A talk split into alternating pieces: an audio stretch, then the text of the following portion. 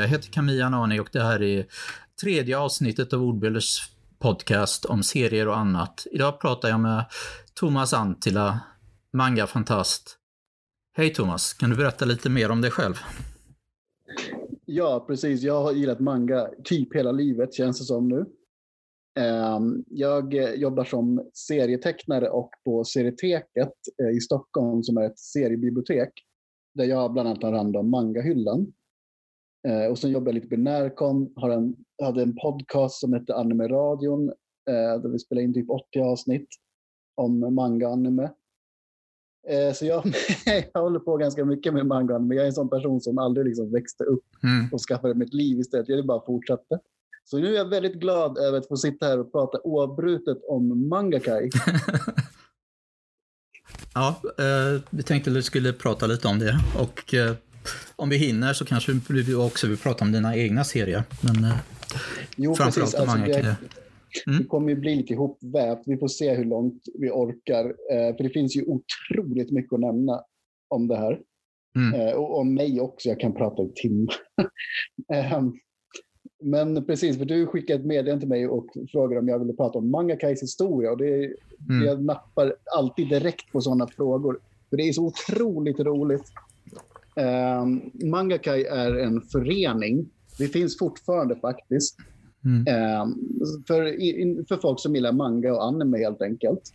Och det är um, Sveriges äldsta manga-anime-förening om jag förstått rätt också. Ja, jo precis. Eh, ett tag var vi störst också, men alltså, jag vet inte hur mycket föreningar det finns nu för tiden. Det är mest mm. konvent och festivaler, så det är inte så mycket föreningar. Men värt att nämna är ju Mangakai Lund, som för att inte har någonting med Mangakai att göra mm. egentligen, utöver att de har samma namn. Senast jag var, hade koll så hade de fortfarande veckomöten liksom en gång i veckan, så det är väldigt stort. Mm. Stockholm finns lite små grupperingar också, så det finns fortfarande en viss föreningsliv. Mm. Eh, men jag får lite känslan av att föreningar inte är riktigt lika stort som när jag var liten. Då var ja, det verkligen en grej med föreningar. Men... Jag har hört lite diskussion om uh, att en av anledningarna att uh, manga är fortfarande rätt stor i Finland är att de har mycket större föreningsliv fortfarande. Att det, att det är en teori. Att det att fortsatte där är för att de har, har kvar det här liksom föreningar och cirklar och på ett mycket större sätt än vad Sverige har. Ja, precis. Jag ehm, ska inte spoila någonting om hur Mangakai ser ut idag, men vi kommer gå igenom Mangakais extremt fina storhetstid. Mm. Eh, och det började då 1992. Eh, Simon Lundström, känd mangaöversättare och också mangavetare. Mm. Eh, det var i princip han som liksom startade allting med Mangakai. 92 så gick han sista året i gymnasiet och då hade han sett på kabel-tv och fransk tv och anime. Så han hade ett intresse av det. Liksom. Och då gick han en ritkurs med ingen mindre än Esbjörn Jorsäter. Känd från mm. jättemycket sådana ritböcker och ritkurser. Bland annat om manga och anime. Och då tyckte Esbjörn, men kom igen, manga det kan bli nästa stora grej. Eh, skapa mm. en förening. Och då kände när, Simon när var det här? Var det 90? Nej, var, det var 92. Okay. Um, så Simon var väl kanske, vad är man när man går ut gymnasiet? 18, 19 någonting. Någonting i den stilen. Um, Precis, men så han orkade inte starta en förening. Alltså gud vad mycket jobb. Men så han började i alla fall samla ihop en lista med folk han visste som gillade manga och anime. Så kunde man ha någon form av liksom, kontakt, nätverkande. Och då fick han ihop 30 pers. Och det är intressant, 1992, mm. de här 30 personerna liksom, som var Sveriges i princip första eh, manga anime-nördar. Eh, jag vet att det fanns några fler som jag med tiden har hittat, bland annat någons pappa pappa som läste manga importerat från, på japanska och får väl ändå utgå från att någon måste ha köpt serien när det fanns på mm. seriebokhandlar. Liksom, så att det finns, fanns väl någon som gillade manga, men det här var liksom 30 stycken riktiga fans som brann för det väldigt, väldigt mycket. Men då började de i alla fall ha, och värt att nämna är att de här 30 namnen var eh, spridda över hela Sverige. Mm, ja. Eh, så det var inte bara Stockholm, det var liksom alla de 30 de kunde hitta i sitt kontaktnät, liksom vänner och vänners vänner. Eh, Okej, okay, jag, trodde, de... ja, jag trodde det bara ja, var Stockholm i början. Men eh, det, det var intressant Nej, att höra. Men alltså, precis, de här 30 namnen som sagt, det var ju... Jag vet att i alla fall att de, några från Norrland var med. Um, jag vet inte exakt. Alltså, ärligt talat så, så kan jag säkert gräva fram de här namnen, mm. men det ska vi inte säga högt för det är väldigt, väldigt lite GDPR okej okay, mm. uh, att ha sådana här listor. Men, det behövs alltså, inte. Nej, alltså jag har sett namnen. Det är vissa usual suspects liksom, som fortfarande är med i mm. serie i Sverige och liknande. Så det var ett, ett gäng liksom, nördar. Och inte nödvändigtvis alla som fanns på den tiden, men det var de 30 första medlemmarna i princip. Och det var ingen riktigt formell förening då. Det var typ mm. betala 30 spänn så, så får, bjuder vi på livstids att vi skickar ut lite mejl eller brevutskick. Liksom. Eh, för de hade nämligen börjat ha möten på en lokal som heter Proxy. Den finns nog inte längre faktiskt. Mm. Eh, men den, där skapades även unga forskare som vi kommer komma till mm. mycket, mycket senare i det här. Eh, det var, vad, vad gjorde föreningen i början? Var det liksom bara samlas och titta på någonting eller var det bara prata eller vad gjorde man? Precis, det, det var nog att de mest hängde på proxy och mm. snackade lite. Det, står, eh, det finns lite anteckningar om att de, på möte två så beställde de från något som heter Nikaku Animart som verkar vara en Los Angeles-baserad manga-anime butik. Okay. Så de gjorde en gruppbeställning. liksom. Um, och uh, det är inte så jättemycket känt mer vad det var. Det var väl mest att hänga, liksom, antar jag. För mm.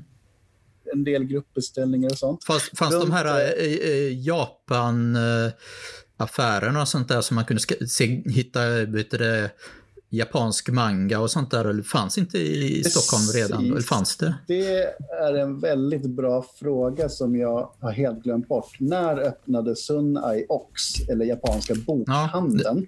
Ja, för jag såg, um, första gången jag stötte på det var på bokmässan. Därför, jag tror på 90-talet så åkte de och ställde ut på bokmässan också. Så att man kunde plocka upp lite sånt. Ja, precis. Eh, alltså, så här är det. Den tidiga serie-Sverige, det intresserar mig väldigt, väldigt mycket eftersom det är ju även tidiga manga-Sverige. Och vad jag har förstått så fanns det en butik som hette, om det var Metropolis eller om det var en annan butik, okay. eh, som hade någonting att göra med Horst den delen av serie-Sverige. Mm. De verkade ta in eh, importerade serier och eh, ja, slutet av 80-talet någon gång började det släppas manga på engelska, så det kan möjligtvis ha varit som så att de tog in titlar som folk upptäckte.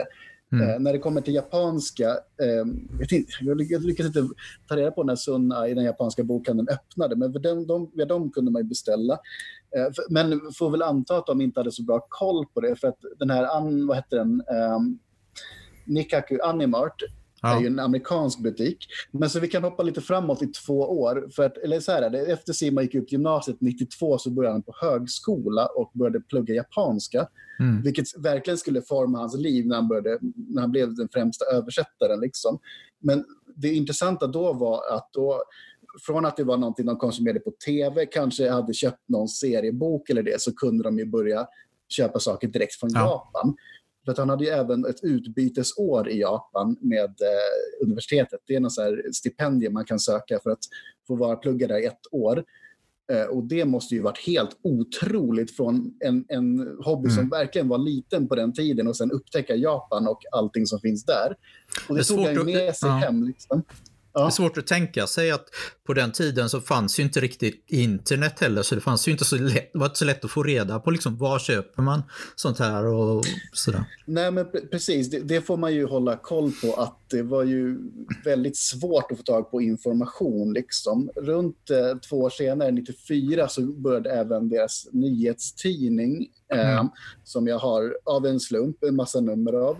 Och där är det väldigt mycket typ så här, recensioner och så listor på allting som är utgivet i Sverige. För att det var liksom så extremt svårt att få tag på info om saker. Så att det här var i princip innan internet, måste man säga. Mm. Så att eh, på den tiden var det ju sånt verkligen guld värt, nätverkande, liksom att sprida information. Men så, en ehm. sån tidning, eh, var det egna artiklar också? Och sånt där? Skulle man räkna det som en fanzine? Eller? Ja, det var ju ett medlemsblad, men det ser ut ja. som ett fanzine. Det är så A4-papper vikta. Eh, det är otroligt roligt hur fruktansvärt nördigt det är. För det är så artiklar om NTSC, videoteknik, hur det funkar på vanliga tv-apparater och grejer. Så det är verkligen eh, instruktionsguider för att få de här grejerna att funka. De olika teknikerna från olika världsdelar. Liksom. Um, men, jag tror att, jag tror att det, det, var ju, det var ju mycket sån här mm, rätt komplicerat och eh, fansubba på den tiden. På ett helt annat, man gjorde det på ett helt annat sätt än idag. Ja, men precis. Han, eh, ledaren till det här, eh, vad heter han, eh, Christer Joas nämner att han har lite problem med att skriva japanska tecken på sin dator. Så mm. nu använder han, använder han poor man's Japanese text. Och det är sådana grejer som är helt omöjliga att leva sig in i liksom, på den tiden när det var så fruktansvärt mycket mer krångel med exakt allting. Mm. Um, men eh, som sagt, medlemstidningen den började 94 någon gång och eh, ungefär då så började även filmvisningarna. Okay. Det här är ju verkligen en gråzon i lagen, men det det var var att man var med i föreningen och därför var ett slutet sällskap och därför fick man kolla på eh, anime utan mm. ha licens för det. Um, och Det var ju väldigt häftigt då, för då, på den tiden hade ju liksom Simon och de redan lärt sig japanska, så de kunde göra svenska texter på grejer som de köpte i Japan och visade i en källarlokal. Okej, okay, var, var, det här laserdiskar då, om det Simon hämtade med sig och sånt, eller var det ja, precis, alltså VHS? Precis, vi kan ju nämna det för troligtvis majoriteten av alla lyssnare. Laserdiskar, det finns för att ingen som säger laserdisk som inte är manga där. De flesta säger mm. laserdisk, för det är helt ointuitivt att det ska heta laserdisk. Men det ser ut som en jättestor CD-skiva, om ni vet vad det är. Fast det, det, är, det är som en DVD, eller den är typ analog fast som en CD-skiva. Så det är jättestora, de ser ut som LP-skivor fast i CD-format. Mm. Eh, som får plats en timme per sida. Och Japan var väldigt tidiga med det formatet och det är jättebra. Det, det, är typ, det var långt innan DVD liksom. Eh, jag, jag vet jag inte riktigt. Mm. Jag, tror att, att de höll, kvar, höll kvar också det formatet mycket längre än resten av världen också. Eh, jag eh, måste säga att det nog inte riktigt blev en succé någonstans Nej. annars. För jag tror att Frankrike och USA var de andra stora marknaderna. Och USA var det typ mycket George Lucas och liknande som drev på det här. Men alltså de är jobbiga för de väger typ ett kilo styck så de är tunga och de kan tydligen börja ruttna eller så röta så de pajar och man måste ha en dyr spelare så det är verkligen mycket krångel. Okay, men det var ju helt oslag... Ja, men det är mycket os oslagbar bild med det. Liksom. Det var fantastiskt. Mm. Man kunde, vi, senare, eh, vi hoppar framåt lite i tiden, 97, då hade de första visningen i en hyrd biograf. Då gick mm. vi från källare till att ha en biograf. Och man kan ju fortfarande köra liksom, laserdiskar, förstora upp dem så mycket utan att det blir smärtbart. När det är VHS, då börjar det bli lite dålig bild alltså. Um, men så att laserdisk är ett jättebra format. Men däremot mm. måste jag säga att jag har kollat på det nu och nej, det går inte längre. Man måste ha en sån tjock-tv för att det ska funka. Det, det, okay. Man ser typ man, man, det ser dåligt ut, det är konstiga färger och det. Mm eller jag vet inte, det kanske bara var den jag såg. Jag tror att det var någon Ghibli-film eller något sånt som jag kollade på. Men, men det är roligt i alla fall, sådana såna viktiga grejer. Liksom, för då var det liksom lite häftigt att man hade en laserdiskspelare. Och eftersom de flesta, DVD, eller de flesta laserdiskarna var japanska så var det ingen text på dem heller. Mm. Och då fick man ha en Amiga-dator och ett genlock för att kunna köra Amiga-datorn samtidigt som tv. Så man kunde ha text till sin laserdisk. Och de texterna kunde man ladda ner från internet för folk. De, de liksom gjorde dem och la upp dem på internet. Det var som fansubs fast man gjorde det själv. Um, nu har vi kommit till 97. Då kan jag nämna att uh, det var ungefär då jag började med det här. Mm. Uh, för det här är en ingång, att man um, går på Mangakai eller ser på tv och sånt. Eh, jag kom in via fansub-kassetter. Eh, och det är då när man spelar in det som man har fansubbat. Liksom. Och de kunde man köpa från internet. Det var som dagens tips att kolla på anime nedladdat. Fast folk bokstavligen spelade in det på en VHS liksom och sen skickade. Mm. Oftast mot betalning. Eh, jag, tror, jag tror att det också var jättestort i USA det där att göra den typen. Skicka runt sina VHS och så. Precis, eh, då krävdes att man hade flera videoapparater för att kunna kopiera. Liksom, åtminstone mm. två var ju kravet. Och ett förkrånglande är ju att um, USA och Japan använder ju NTSC. Det ja, funkar ju väldigt bra. Men i Sverige så använder man PAL som ett annat videoformat. Så att man måste ha en video som kan spela in i NTSC för att kunna mm. göra det. Och de var inte jättebilliga då. Eh, så också en sån försvårande faktor till varför det var så svårt att få spridning på det. Så jag antar att alla de här grejerna var, gjorde att de här filmvisningarna vi körde på bio, att det var en av anledningarna till att det blev så jäkla stort. För att det var så krångligt liksom, att få tag på grejer. Mm. Um, och då började det med att det var en, en, en biosalong. Liksom. Sen eh, 2000... Har du koll på hur ja. dyra en, en eh, laserdisk, eh, japansk anime laserdisk var i Japan? Därför även idag så är ju DVD och Blu-ray i Japan superdyra jämfört med eh, svenska priserna. Ja, precis. Som av en slump så sitter jag här med en massa mangatidningar som jag eh, har för att stötta upp mikrofonen på. eh, det brukar vara lite reklam. Ska vi se om lite snabbt. Här ska vi se. Video LD, Macros Plus, volym 1. Mm. Eh, Ja, vad konstigt, varför står det inte? För då, det här är en OAV, det betyder att den släpptes bara på video. Så om man ville se mm. den var man tvungen att betala. Ja, här, 7500 yen. Jag brukar okay. ta bort en nolla. Eh, och sen är det egentligen gånger 0,7 eller vad det är. Så att det är inte, mindre, inte längre, men ja, på den tiden tror jag kanske var. Ja, just det. Precis. Det, det är sant att... Men, nu för det är nästan helst, det, likadant. Lik, nästan Det låter exakt. ungefär som 500 kronor mm. för ett avsnitt. Eh, OAV har ju alltid varit dyra, för de, de, de liksom produceras av att folk köper i princip. Eh, mm. och Marcus Puss är ju jättesnygg. Den blev ju sen gjord till långfilm. De bara klippte ihop den för den är så jäkla snyggt tecknad. Eh, alltså biofilm. Ja, Men ja, det, det brukar, jag för mig att det brukar vara typ tusen spänn för en laserdisk, alltså tusen svenska kronor. Ja. Eh, det är hur som helst mycket dyrare. Eh, även, även, idag så liksom jag tror att en DVD kostar, eh, speciellt Studio Ghiblis grejer är speciellt dyra, men eh, runt 300 kronor eller någonting för en DVD skulle jag gissa. I Japan än jo, idag. Precis. Det, det där är väldigt intressant för att eh, deras CD-skivor kostar 3000 yen vilket är typ mm. 250, vilket i och för sig i dagens dyra Sverige låter ganska okej okay pris. Men alltså 98 var det ju typ dubbelt, nästan tredubbelt så mycket som man ser det kostade vanligtvis. Eh, mm. Och CD-singlar med liksom en låt kostade tusen yen, alltså en tredjedel av det, ungefär 100 spänn. Liksom. Eh, men, men när, när, ni, ja. i själva föreningen, var det någon, alltid någon som hämtade med sig eller var det något som gemensamt man köper och sen tittar vi på det tillsammans eller hur fungerade det? Eh, du menar med anime och så? Ja. Eh, eller, eller för, även manga att, om ni, jag vet inte. Ja, eller du menar, du menar sälja och så eller kolla? Eh, eh kolla tänkte jag på. För, ja, men för kolla, då var det, vi hade även veckomöten de mm. drog igång, när kan det vara, 98, lite tidigare, antagligen 96, 97. Eh, och då var det att vi hade liksom en fritidsgård eh, i Roslagsnäsby var det de första jag gick på. Jag tror att de höll på lite innan också. Och då var det dels kolla på anime och dels hänga och sitta och snacka med likasinnade. Mm. Eh, och det var första gången jag kom i kontakt med Mangakai då när jag började gå på de mötena.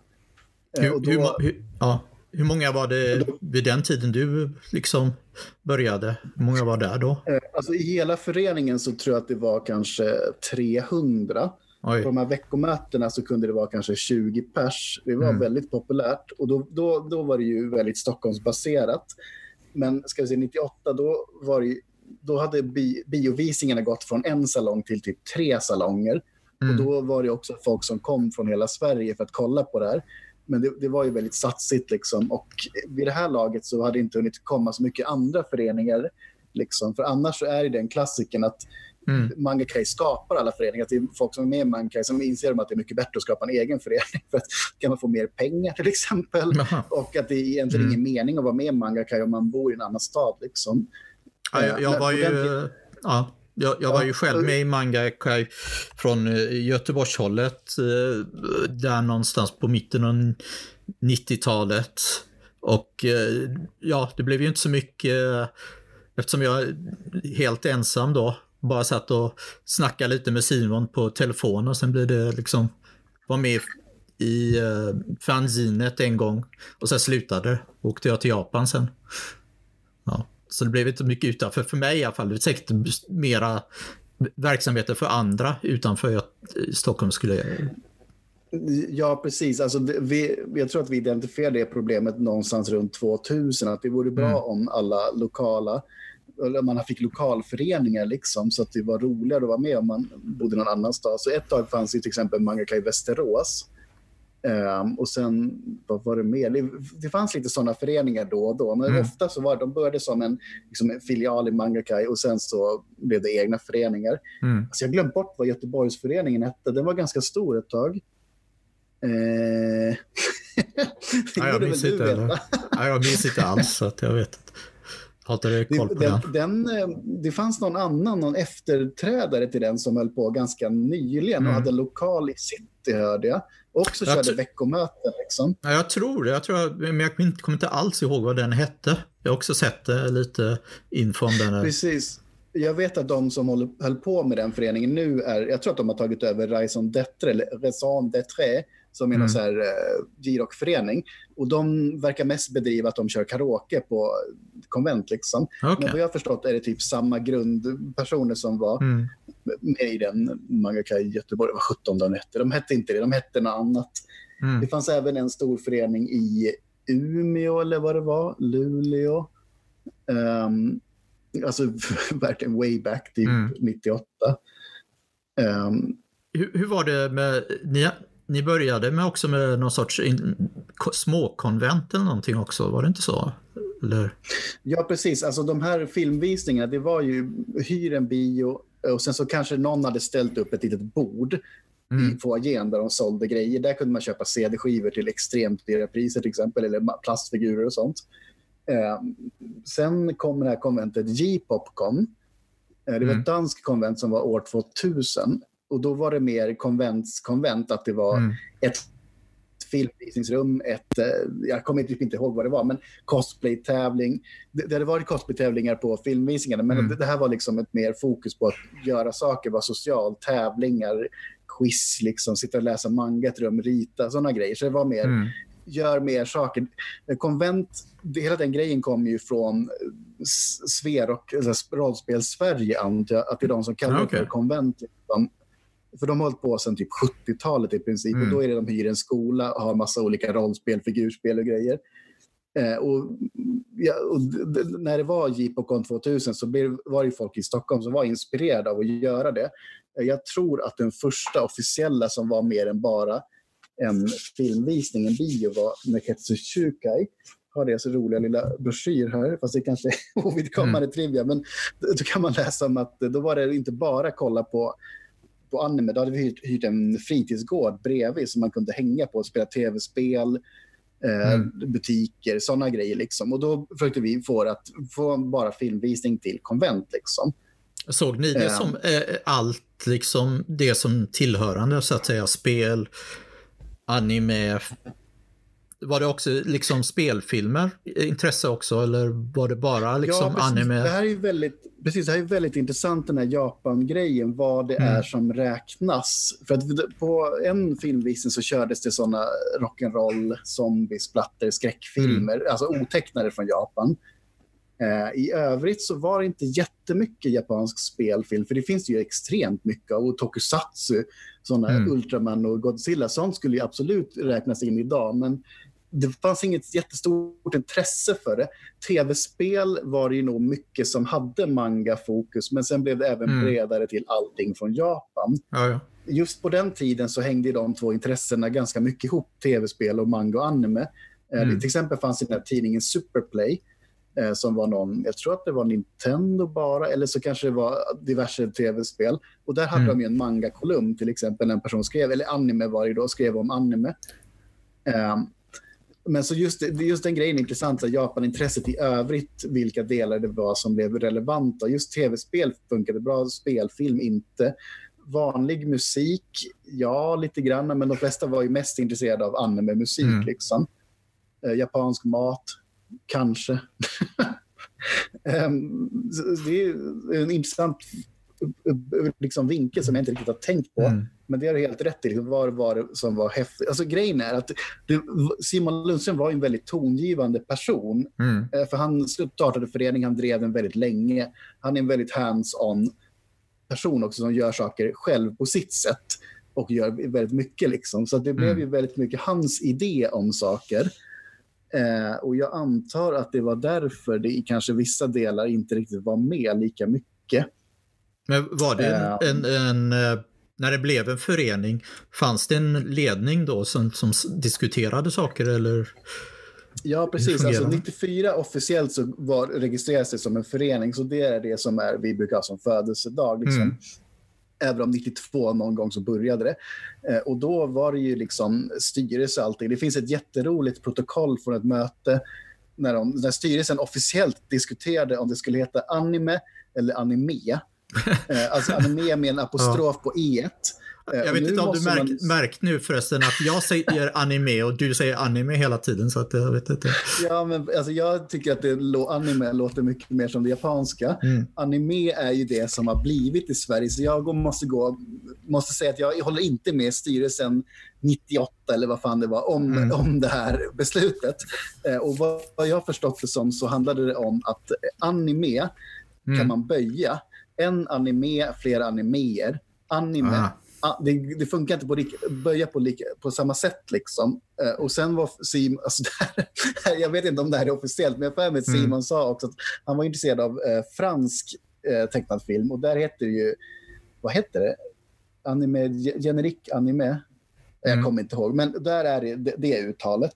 Men, men, det roliga är att det har ju verkligen satt sig så att alla som skriver det i tidningar och liknande, det är apostrofen på. Annars så brukar det vara som så mm. Pokémon, att det är en amerikansk grej. Liksom, att förvisa att det inte är, ja, hur man nu uttalar det, an, jag, anim. Mm, jag har hört teori, teorin, och det är inget säkert, men att just ordet som används i Japan kommer från franskan. Det, det, är, mm. det är ingen som vet säkert om det är så, men det, det kan mycket ja, vara så. Eh, Simon har ju regel koll på saker, mm. så det kan mycket väl vara det som är det. Så det har liksom gått hela varvet runt, att det blir anime igen. Uh, jag tycker att det är kul att det finns två olika. Jag kommer inte jaga någon om de säger det andra. Men så länge de inte säger anim så är jag helt okej. Okay. Eller anime. Anime är ju ganska populärt för att folk mm. kollar på YouTube på engelska. De tänker liksom att det är en amerikansk grej. Men ja, jag är ju ganska japanofil av mig så jag föredrar mm. ju om det är om det är så likt japanska som möjligt.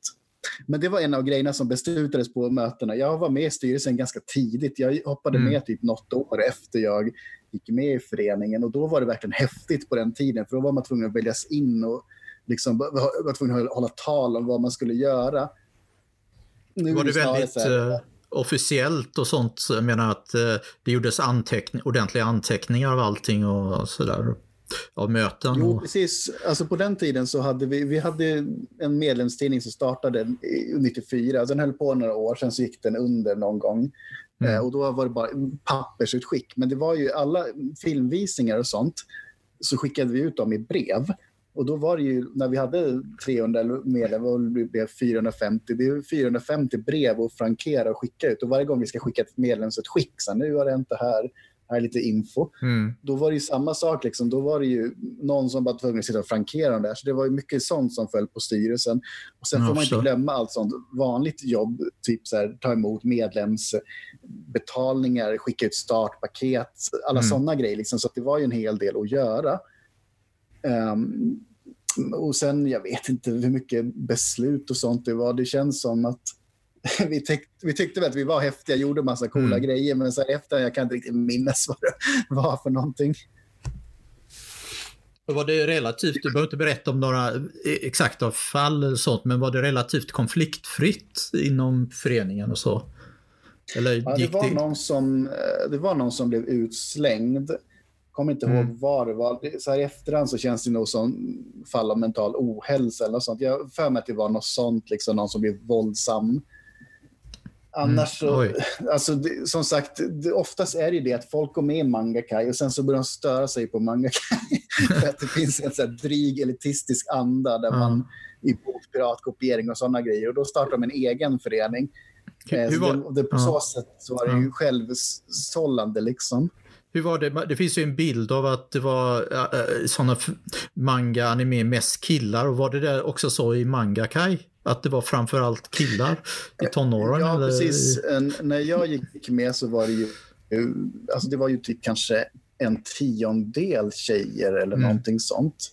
Eh, åldern som folk gillar manga och anime, den verkar ganska stadigt vara typ gymnasieåldern.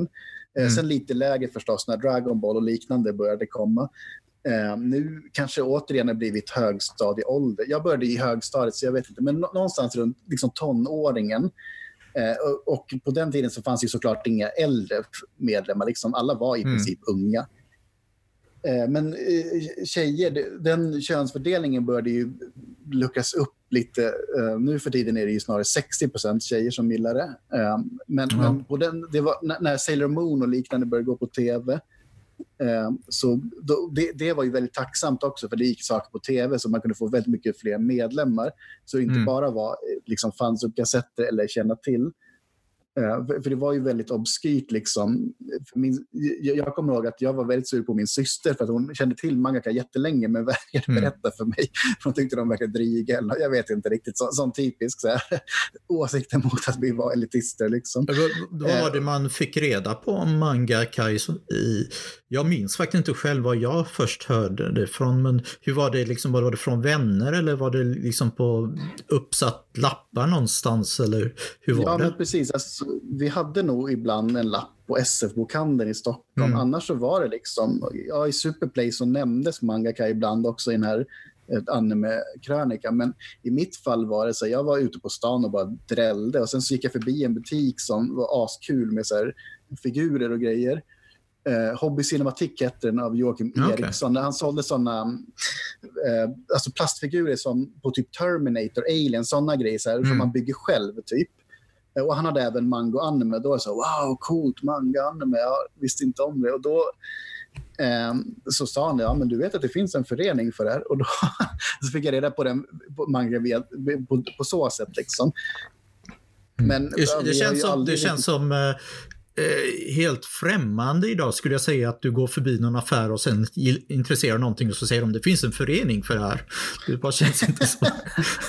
Ja, nu Det skulle hända alltså, alla i butiker är alltid så otrevliga. Mm. det är bara en massa nerds som driver Men nej, Joakim Eriksson han var, han var eldsjäl och ville få in folk i det här. Mm. Eh, och berätta om så här, det är cosplay, vi hyr en biograf, massa sådana grejer. Så jag gick ju med direkt. Liksom. Gick till vår hemsida.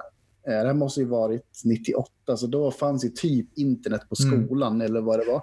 Högstadiet. Eh, Hur, hur var det? Med, fanns det något intresse för cosplay då? Kan jag fråga redan tidigt i... Mm, ja, i men precis. Jag är, typ, jag är typ en av de första i hela Sverige som har Mm. cosplay. Att för, när jag fick höra om det tänkte jag direkt så här, wow vad kul, klä ut sig till mangafigurer. Jag visste inte ens vad cosplay var. Jag visste inte om det begreppet. Jag tänkte bara att det var en bra idé.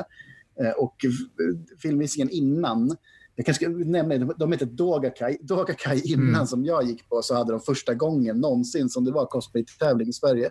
Och då var det kanske tre, fyra personer som var med. Och sen gången efter så var första gången jag var med. Eh, Okej. då, då vann en Asuka cosplay. Väldigt fin dräkt. Um, men, men så, så det var... Jag vet inte riktigt vad inspirationen till det var. Jag antar att det kanske var via amerikansk kultur eller Mm. japansk. För att, eh, det, på den tiden så fanns det inte så mycket självreflekterande manga och anime där det alltid handlade om att vara manganörd. Så att, ja, eller för sig, Otake no Video hade ju hunnit komma. Ja, jag vet inte riktigt vad inspirationen till det var. Jag själv tänkte mest att det var kul att Mm. en kul idé, klä ut sig. Liksom. Och sen så upptäckte jag wow, det finns en hel grej med det här. Men Jag tror, de jag tror att filmvisningarna- ja, jag tror att Ja. i USA så hade de någon sorts eh, klä ut sig på konventgrej, men jag misstänker att det inte fanns så mycket i, i, i Sverige det. All, Ja, precis. Så- Alltså, jag har ju glömt bort alla de här grejerna. Jag kunde det en gång Ja. i tiden. Men det var väl typ så här, Star Trek-konvent, klä ut sig. Mm. Det var väl en ganska ja, just normal det. grej. Just det. Ja, förstås. Men då var det det att pausade den filmvisningen runt middagen ungefär, hade en cosplay-tävling. Liksom. Mm. Alla fick gå och ställa sig på scen och sen så, så det- fick folk är inte- rösta. Intressant det är ju att eh, tro på 90-talet och så, då var ju inte cosplay pyttegrej, nu är det stort den som dominerar totalt. Och det gäller Jo, eh, precis. den kultur, ja, precis. På, på populärkulturen. Närcon, ehm, på Närcon som jag också jobbar på, Mm. det, de, de kallar sig inte ens konvent längre. De säger att det är en festival och då är det Mm. typ 10 000 pers. Och jag tycker att åtminstone en tredjedel till 50 procent har dräkter på sig. Det är fortfarande väldigt mycket manga och anime, men det har ju även börjat sprida sig till andra grejer. Mycket så här western media grejer. Alltså var typ så Lord of the mm. Rings, mm. Game of Thrones. Ja, jag märkte, märkte det för några år sedan att uh, Närcon tog bort från sin hemsida liksom japansk populärkultur eller asiatisk populärkultur. Nu står det bara liksom uh, populärkultur eller cosplay och sånt där. Ja, precis. Närcon vill ju vara en, vad heter det, dynamisk, nej vad kallas det? Mm. De, de gör det som besökarna vill. Och om besökarna vill göra någonting, då är det det som är stort. Mm. Så jag, jag, personligen när det, den försvann blev ju ledsen eftersom jag gillar ju manga och anime. Men ärligt talat så är det ju väldigt, väldigt mycket manga och anime fortfarande. Mm. Um, jag, när jag, de gångerna jag kommer i kontakt med besökare där så frågar jag alltid så här, kollar du på anime? Och det är alltid folk som gör. Sen kan man diskutera om det är galningar som säger de kollar på allting de kan komma över. Liksom börja, det är en bra fråga hur mycket som är så casual mm. intresse och mycket som blir helt tokiga. Men eh, det finns fortfarande ett, ett, ett stort intresse. Hur, hur, är det förresten, var, var föreningen någonsin eh, inblandad i något större konvent? Eller var det bara sådana lite mindre lokala? Eller? Ja, men, men precis. Det är intressant för att um, ungefär samtidigt som manga, för Mangaka började sagt mailinglistan, började ha mm. filmvisningar, bio, medlemstidningar. Vi hade en egen serietidning, alltså ett fanzine, liksom, verkligen stort. Men sen någonstans runt eh, 92, 93, nej, 95, 96, någon, jag kommer inte ens ihåg, mm. så var det lite att de som hade hållit på med det ganska länge hade blivit lite äldre och orkade inte riktigt köra i samma takt. Eh, så vi hade ett jättestort eh, eh, konvent som vi då kallar det för. Doga Con hette det. Mm. Och sen när det la ner var det lite, det blir för mycket jobb, det är jättemycket. När det är en budget på så flera hundratusen så orkar vi inte riktigt ha det ansvaret. Och då tog Uppcon lite över. Alltså det, det känns taskigt att säga att de tog över som om vi, de tog våra fans som vi byggt upp. Men det var snarare det att det hade blivit ett stort intresse och Uppkom var det nästa naturliga steget att gå till. Mm. Uh, och då, det var typ Uppkom 3 eller något sånt där det började komma många hundra besökare. Så då, då blev Uppcon en jättestor grej och sen liksom Närcon tog över lite när Uppcon la ner. Um, så Mangaka, och den tiden, från Mangaka slutade göra de jättestora konventen så har det gått lite neråt. Eh, mm. ganska mycket. Vi har inte riktigt de 450 eh, medlemmarna längre. Eh, men ehm, en stor kris för oss var att en biograf som vi använde mm. la ner och blev någon så här postkontor eller något sånt. För det, eh, det var väldigt tacksamt. Det var en sån som inte var knuten till SFB, eller vad heter de? De heter Filmstaden. De var, det var en fristående biograf ja. så den kunde man hyra en hel dag för ganska lite pengar. Det är ju ett eh, allmänt, ner, så, mm, mm. Ja, allmänt problem så, i Sverige att alla de där små eh, biograferna har bara försvunnit allt mer. Det inte finns eh, riktigt Precis, på det samma för, sätt. Precis, och då flyttade vi över till en fritidsgård och försökte köra bara mm. eh, konventshänggrejen. Men eh, en sak då var ju också att någonstans runt 2000, i början av 2000-talet, lite i mitten, så slutade ju folk intressera sig för att gå och kolla på anime på bio. Eh, för innan var det så här, vi kunde ha Liksom, jag tror som mest hade vi 500 medlemmar. Mm. Liksom, folk ville kom, kolla och kolla på bio, anime på bio. Mycket troligt så är det för att nedladdning ja. blev så mycket vanligare. Så folk, om folk ville mm. kolla på anime kunde de göra det hemma. Medan innan var det verkligen så här, köp en Laserdisc-spelare, köp ett Genlock, köp en Amiga. Vad fan är ens en Amiga för någonting? Eh, men sen när det blev väldigt mycket ja. enklare så Ja, Hur var det med uh, under manga-boomen då i Sverige? Var det en uppgång då för föreningar eller hur fungerade det då? Ja, men precis. Alltså, um, för vi hade fortfarande biovisningarna när Dragon Ball kom. Mm. Uh, jag kommer ihåg till och med att Simon berättade att han skulle översätta One Piece. Och då hade vi fortfarande visningar. Men sen tog det ju ändå några år innan manga-vågen liksom, verkligen tog fart. Det var väl runt 2005 kanske. Någonting sånt gissar jag. Precis, och en grej var ju att det var ju väldigt mycket unga nya läsare och alla i Mangakai var ju typ 23 då och sen mm. kommer det en 13-åring, 10-åring och bara “jag gillar Dragon Ball, hurra”. Vi hade inget mm. sätt att ta emot dem så att eh, vi missade ju verkligen en hel generation som skulle kunna vara med i Mangakai. Vi har ju fortfarande det problemet att mm. det är en väldigt mycket äldre målgrupp och när det kommer föräldrar och skickar brev till oss, hej min 12-åring älskar manga. Vi vet inte vad vi ska göra liksom. Mm. Eh, vi, Jag förstår. det, det är alltid liksom gymnasieålder i princip, kanske högstadie. Um, så vi har ju verkligen misslyckats med alla de hundratusentals personerna som finns. Uh, och på så sätt så borde vi typ åka på Närcon och köra aktiviteter och sånt och bli stora. Men ja, som sagt, Ni, hade att li, ni, hade, ni hade lite någon sorts drive under uh, förra Närcon minns jag. Att uh, få in lite med nya medlemmar och så. hade ett tält precis. och så. Vi, eh, alltså den, den, den väldigt komprimerade historien är att vi hade eh, veckomöten i Täby eh, Mm.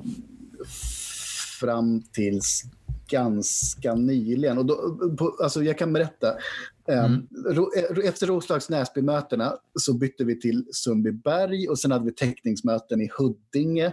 Liksom, Ja. Alla de här mötena var en gång i veckan. Eh, och vi startade möten i Täby i typ Simon Lundströms... eh, Eller nej, först var det hans källare och sen var det en fritidsgård bredvid. Mm. Ehm, och sen så, för vad blir det nu, sex år sedan något sånt, så startade vi möten på Kungsholmen också, inne i centrala Okej. stan. Liksom. Eh, och då hade vi ett tag Kungsholmen-mötena, eh, i, eh, i Täby-mötena och sen har vi, det är lustigt nog, på Huddinge gymnasium så har de en filmsal som redan 1998 har haft veckomöten på. Det är inte jättemånga som går på de mötena som verkligen går på um, Huddinge gymnasium. Mm. Som tur ibland så brukar det vara en person som går på skolan som går på de här mötena. Eh, Det har ju varit jättebra reklam för skolan, men vet inte riktigt om det har Okej. gett någonting. Men så just nu har vi de tre mötena. Täbymötena blev Mm. lite vilande med att de slängde ut oss från fritidsgården för att de tyckte att ja, det var väl inte så mycket ungdomar som gick på de mötena. Mm. Eh, och, eh, liksom, så problemet nu är att vi har ganska få medlemmar. De flesta medlemmar är ganska de är Mm. äldre, liksom, så inte så många som orkar engagera sig. Så vi, vi gjorde en liten drive på Närcon.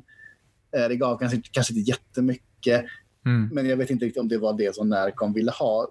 De, de flesta som går på Närcon går ju där för att ha kul, inte för att så här, prata med en förening. Liksom. Mm. Men jag vet inte. Det, just nu har vi väldigt, väldigt få medlemmar. Vi kanske har typ 50 medlemmar kvar liksom, och ingen som vill vara med i styrelsen i princip. Så det är lite, det är lite dystert. Men eh, Det är svårt eh, hur man ska göra kan jag tänka mig. Att det, hur får man upp intresse för att umgås i en förening när det finns så många andra sätt att umgås idag. Och, eh, ja, det är ett intressant problem. ja, eh, precis. Eh, problemet nu är väl främst att vi har för få unga medlemmar. För Mm. Jag kan tänka mig att ungdomar inte riktigt orkar hänga med 30-åringar.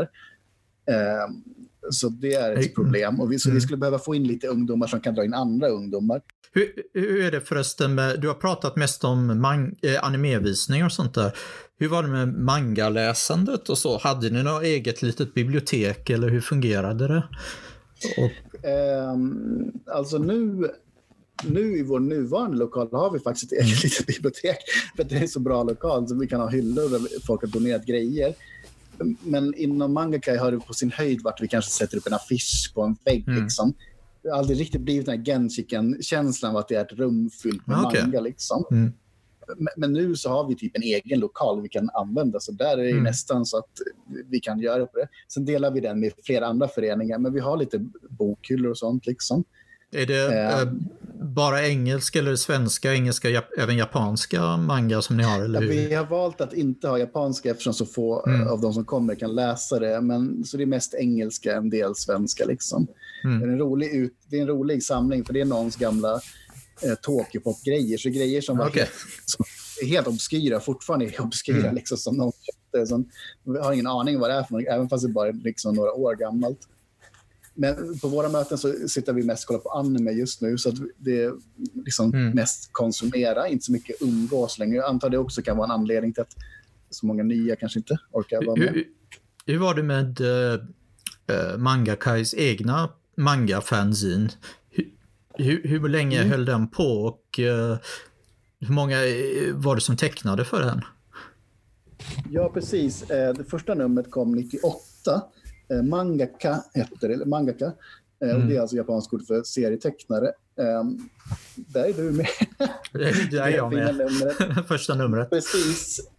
Um, och sen eh, 2001, alltså typ tre år efter, så kom Mm. nummer två. Um, och då var det för att eh, liksom Simon Lundström ville dra igång det, för det hade rutit i sanden, så att han ville dra igång det igen. Um, Mm. Och då var han på Smalpress Expo, det som numera Okej. heter Stockholms internationella seriefestival. Och det var ju verkligen jättelikt på den tiden. Då var det typ tio bord eller något sånt. Mm. Och då hade han ett bord för mangaka. Och sen så gick jag på det för jag ändå hängde på serieteket. Och bara, ah, men kul, Simon är här, känd från Mangakai. Och så sa han det så nej det kommer aldrig bli något nytt nummer för folk säger att de ska skicka in men de gör inte det. Och då tänkte jag, jag ska fan skicka in, jag ska visa att jag håller det. Så jag gjorde en serie som eh, nu är alltså 19 år gammal Mm. och den är ju inte jätte, jättebra. Um, min motivation till att göra den var ju liksom för att um, det fanns andra serier som inte heller var så jättebra. Mm. Så jag tänkte, jag kan göra bättre än så. Eh, Så här i efterhand vet jag 17 om jag lyckades. Men på den tiden så kände jag så ah, jag lyckas göra bättre. Jag var inte sämst i alla fall. Liksom. Ja, Jag minns Ehm. att jag gjorde den första serien och sen hade jag planer på en till som aldrig avslutade. Och den första som jag gjorde till manga nummer ett så kunde jag inte liksom komma på vad de skulle säga eller vad de skulle heta så jag gjorde den helt ordlös i slutändan. Och, så det var så, så, sådana grejer. Så det var en ordlös Eh, serie. Ja, men precis. Ehm, Det var första gången jag kom i kontakt med dig. Det var intressant när jag upptäckte sen ordbilder. Bara, men det är den här Mm. personen, för jag har verkligen pluggat alla som är med i det här fanzinet, så jag vet exakt för liksom, att hitta dem senare. Är det eh, några heter andra det? kända, kända namn som har varit med i den? Eller? Ja, precis. Jag vet inte riktigt hur mycket eh, känt för allmänheten, Mm. men eh, liksom Lisa Medina har varit med, Steph Gaines, eh, Agnes Mikkuka har varit med. Eh, Mm. Liksom, det finns en hel del som man kan känna igen faktiskt. Alltså, jag, jag minns ju varenda person som varit med i Mangaka och jag har Mm. koll på vilka det är. Men så här i efterhand, det är väl... Alltså det, jag vet inte om det är några relevanta grejer att nämna. Liksom. Så, tro, roliga saker som är med är att Simon Lundström gör en serie och att han är inte bara liksom bra översättare och eh, eh, liksom föreningsmänniska. Han är även väldigt bra på att rita. En Mm. väldigt bortglömd detalj. Eh, Tanja Suhinina heter en känd sexolog, psykolog nu för tiden som gjorde en serie som heter Mirakelflickan Moses som var en Mm. magical girl-parodi på Bibeln. det finns jättemycket roliga grejer liksom, men eh, ja, alltså det roligaste med, med mangaka tycker jag nästan är liksom den tiden när, det all, när det kom till. Liksom. Det var verkligen peak mangakai när allting var som absolut allra roligast och bäst. Eh, för den började 98 någon gång. Mm. Hur många nummer kom? var eh, precis. Eh, sen, sen kom ju nummer, eh, nummer två 2001. Mm. Då var det en ny redaktör, Jonas Nelson hette han, som tog över det. Och han hade drivit ett fanzine som hette, vad var det? Var det, cent, nej, var inte Centurion, eller och inte Strapazzi? Vad fasen? Eh, jag har glömt bort vad hans fanzine hette. Det var typ det största fanzinet i rollspels live-Sverige. Eh, Eh, Minotaur, var det någonting med Minotaur eller något? Det fanns något? Nej, nu tänker jag tänk fel helt. Ja, jag minns inte. Eh, alltså förlåt, en, en snabb goding. Det är lite Ja. pinsamt att inte nämna det. För att det, han var jätte, jättekänd Mm. ehm, liksom för det. Och kanske inte jättekänd i, i före detta manga-Sverige. Eller, um, Felivia var det inte. Det var ett annat fanzine. Ah, nej, tyvärr. Det går typ inte att googla. Vilken miss. ja, men han, han hade gjort ett jättestort eh, Mm. eh, rollspels live-fanzine som han typ kopierade hemma. Det som, han hade typ 800 prenumeranter eller så. Det var en riktigt Oj. stor deal alltså. Eh, så han tog över Mangaka. Han gjorde det jättebra förstås. Eh, så det kom ju typ tre nummer per år eller någonting. Oj, det Jag var har, mycket. jag, precis, sen så tröttnade han lite på det för att han hållit på med manga i 10-15 år. Och då tog Mm. jag över eh, nummer, vad blir det, 11-12. Det var 11, 12 och 13. Och sen av en mystisk anledning så la den ner för att jag inte var lika bra på att driva fanzine. Så, och ärligt Hur många, det hur var många ex brukar ni trycka? Av den? Ärligt talat så vet jag inte riktigt hur många han tryckte, för han hade en egen kopiator. Mm. så att han, han, tryckte när han behövde. Liksom. Medan jag tänkte, nej men vad fan, 100, 200 eller vad det var, X, det blir billigt per nummer. Men sen när, jag hade, när mina nummer kom, det var ju de sista suckande mm. Eh, delarna av eh, den stora mangakaj när det var bara fritidsgård, inte biovisning och vi inte riktigt hade 450 medlemmar längre. Så mm. det var mycket svårt att sälja. Så efter två nummer så liksom gav jag upp för jag kände, äh. Och på den tiden hade det lite spelat ut sin roll, måste man säga. För att när mangaka kom, då var det så här, skicka in, typ alla som vill kommer med. Du kan få se dina serietryck, fattar ja. allt. Och på den tiden, vi visste ju inte vad fanzin var i manga-Sverige. Vi hade ingen koll på det. Det var väldigt häftigt att man kunde hamna i en tidning så att säga. Mm. När Mangaka la ner, ähm, äh, när det nu var, 2004, liksom, då hade lite allting förändrats. Äh, den här SPX som jag nämnde hade gått från 10 bord ja. till typ så 100 bord eller något sånt. Så det fanns ju en mer levande fanzinmarknad. Det var lättare med datorer och sånt också. Så jag kände att behovet av att folk kunde få se sina grejer i tryck var inte lika stort. Jag minns ju själv när jag var med i första numret, mm. det var helt otroligt. För att man skickade in en grej man har gjort och då skickade det verkligen bokstavligen in original. Liksom. Och sen så, så, blir det en serie som är tryckt liksom, i en tidning. Det är en väldigt häftig känsla. Um, men, man skulle ja. tro att runt 2004 var då all, massor av ungdomar skulle, eller barn skulle ha älskat att skicka in grejer. Men, uh... Jo, precis. Det är det som är det tråkiga, att vi aldrig lyckades, lyckades komma åt den Dragon Ball-generationen. Liksom. Um, för det, det fanns jättemycket intressant där. Jag har ju ganska mycket seriefanzin med manga. Ett tag så tröttnade jag lite, men annars så har mm. jag typ, så fort jag hittar manga så köper jag i princip. Jag skulle säga att jag har väldigt mycket uh, av det som ges ut. Liksom. Jag tycker det är spännande den, den grejen, folk som ritar manga och liksom, kallar det för manga, att det är liksom mm. den, det hela den fandom-saken. Ja, det var, varierar ju rätt mycket om man kallar det så. Jag pratade, pratade ju lite med det om Lisa Medin också. Om, om det skulle ja. heta manga, menga eller bara serier. Precis, ärligt talat, vissa kanske inte riktigt säger att det är manga. Jag, men det är mest jag som dömer det som manga, för det ser väldigt, mm. väldigt manga ut. Liksom. Men um, det, hela den grejen är väldigt intressant. Liksom. Um, liksom manga.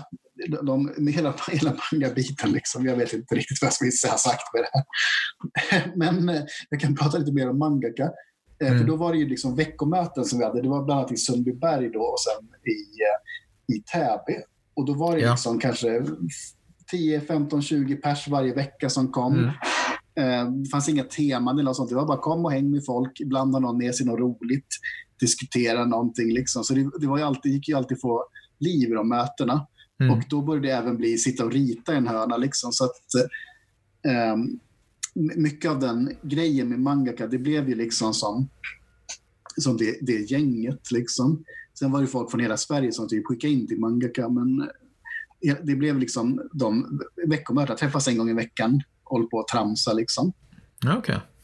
Så det, det, känns också lite som när mangaka eh, gick ner, eller när, när vi la ner eller jag la ner den, då mm. blev det lite att eh, all, hela den grejen hade liksom runnit ut i sanden. Eh, man får ju säga det att de flesta som gillar manga som sagt är runt gymnasieåldern. Och mm. När man är ungefär 23 så brukar folk intressera sig för annat i livet. Typ högskola till exempel. Då brukar folk liksom liksom gå, hitta andra intressen och då mm. om man inte lyckas ja. få nya medlemmar så blir det problem. Då blir det bara hardcore-nördarna som är kvar. Liksom. Så det var lite det, alltid, det fick ett naturligt slut. Men knäppt nog så överlevde Manka ändå, även fast det egentligen borde tagit slut 2005. då borde vi insett att nu är det kört, nu lägger vi ner, vi hade en bra run, det var jättekul. Vad var det liksom. som fick, fick, fick den att överleva, tror du? Ja, alltså, jag har ju varit med i styrelsen ända sedan mm. jag gick med, typ år 99 eller vad 17 det var.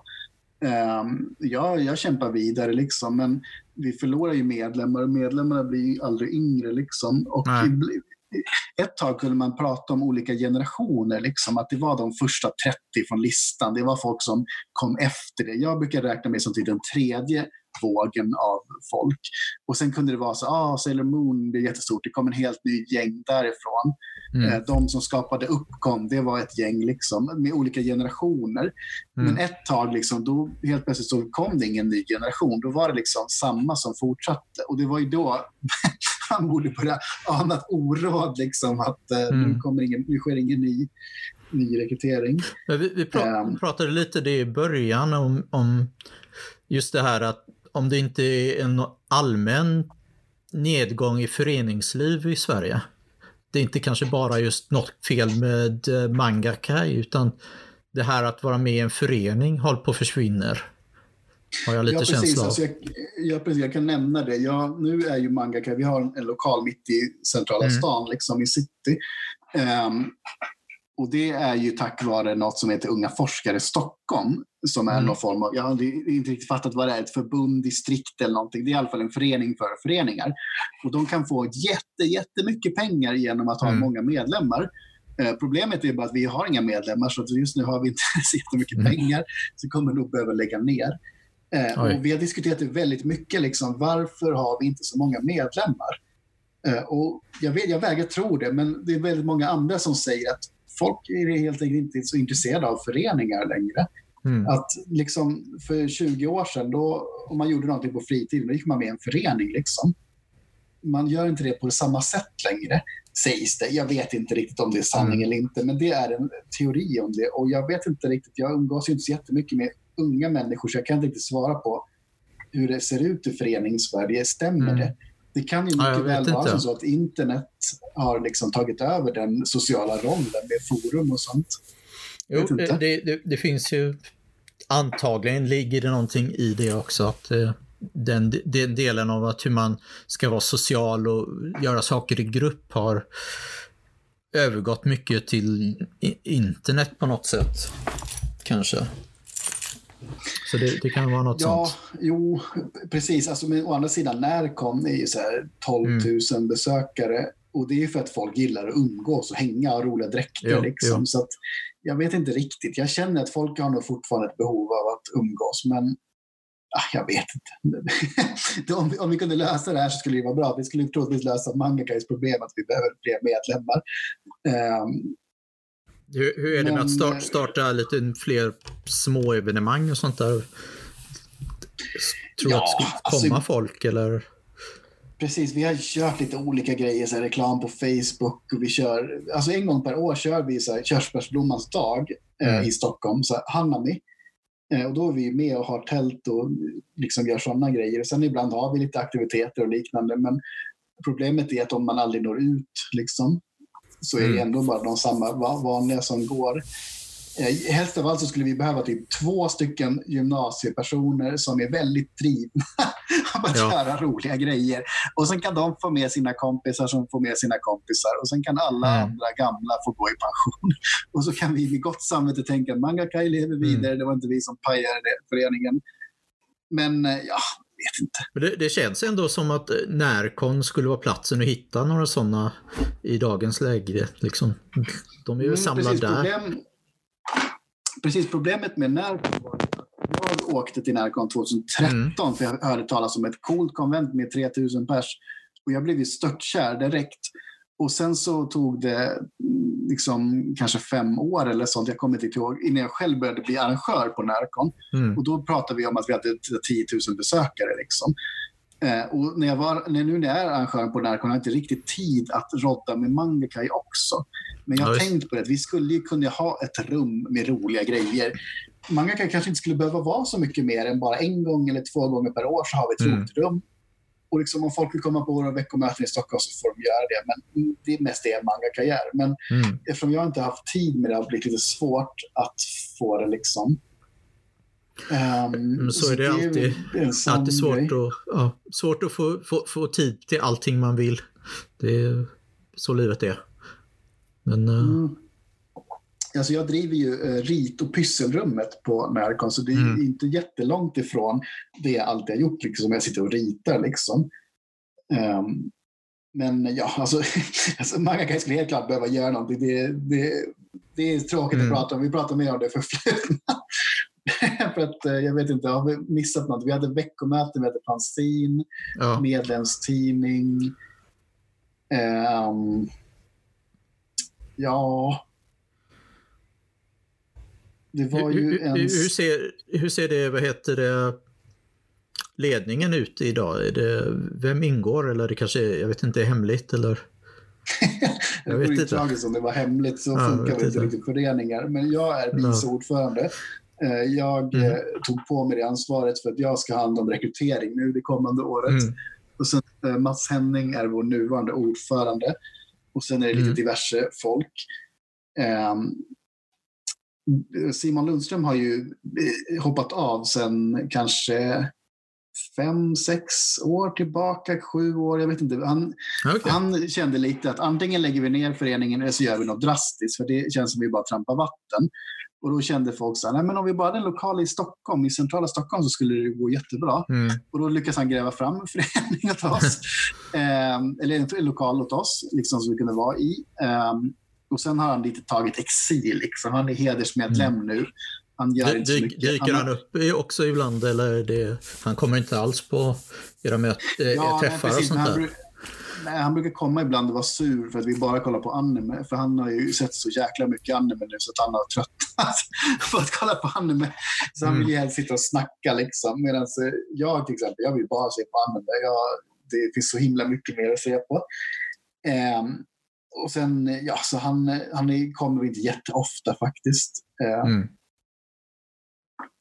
men eh, precis, man får inte glömma det att han, han var ju var, var 18 någonting när han började med det. Han är ju snarare, vad är det, 48 eller något sånt nu. Hur många år alltså Det är det som är grejen, för allt det här känns ju som nyligen, men det var inte så Mm. jävla nyligen.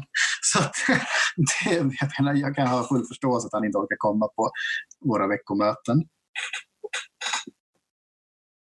Men hur, hur, eh, ser det vanligtvis ut liksom när ni har möten? Sitter ni och hänger, liksom, läser folk, eh, tittar på anime? Är det liksom, gör ni saker gemensamt eller var alla är var för sig? Eller hur, hur brukar det Nej, fungera? precis, alla, alla nuvarande möten vi har så är det, vi kollar på anime. Eh, Vi har en projektor, dator och så kollar vi på grejer. Eh, Ett tag hade vi lite rithäng också, men jag ville mest kolla på anime så att jag var inte så drivande i de bitarna. Och nu är det bara kolla på anime liksom. Mm. Ehm, det har blivit en förening som bara konsumerar. Men eftersom vi är med i de unga forskare så försöker vi ändå ha lite studie liksom, eh, fokus. Så vi försöker Okej. nörda in oss i så här, den här regissören, den här röstskådisen, den här animatören. Så, kolla på särskilda grejer som den animatören Mm. har gjort. Och så här, bild, vi försöker ha lite bildande. Eh, vi hade också en kongress, som vi kallar det för, eh, för två år Okej. sedan. Det var också ett, ett sista desperat försök att få in medlemmar. Eh, därför Mm. vi brandade oss som att om man vill vara med i en manga så kanske man vill det för att man vill nörda ner sig i anime och manga och inte kanske för att man vill hänga med folk och Mm. cosplaya. Så då hade vi en, en föreläsningsdag som skulle ha ett lite akademiskt tema med att försöka ha bra föreläsningar om manga och anime. Eh, det ledde ju inte till så jättemycket nya medlemmar. Mm. Eh, Men det var väldigt roligt. Jag tyckte det var kul. Det väl, ligger väl egentligen på mig att ha en till sån. Eh, vi får se. Det, det, var, det var roligt. Liksom. Då, Mm. då hade vi föreläsningar och försökte liksom, ha bildande. Men ja, när det inte kommer så mycket folk så blir man ju inte jättepepp alla gånger. Går det att ha Det någonting sånt? AIS. Ja, förlåt. Det var på ABF, så vi hade samarbete ja. med dem. Liksom, försökte få det så bildningsförbundaktigt. Mm. Är det någonting sånt som ni skulle kunna ha på Närcon också? Eller?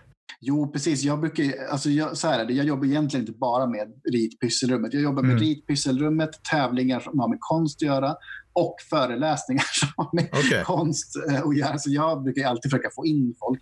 Problemet Mm. där är ju att liksom få folk att orka åka till Linköping. Men ja, absolut. Så, sånt skulle man säkert kunna ha. Men så att, ja, alltså vi, vi, Mangaka fungerar just nu främst som någon Mm. slags, vi är de som kan mest om manga och anime. Vill du vara en del av oss, du är jättegärna välkommen. Så kan vi gotta ner oss i info och sådana grejer. Liksom.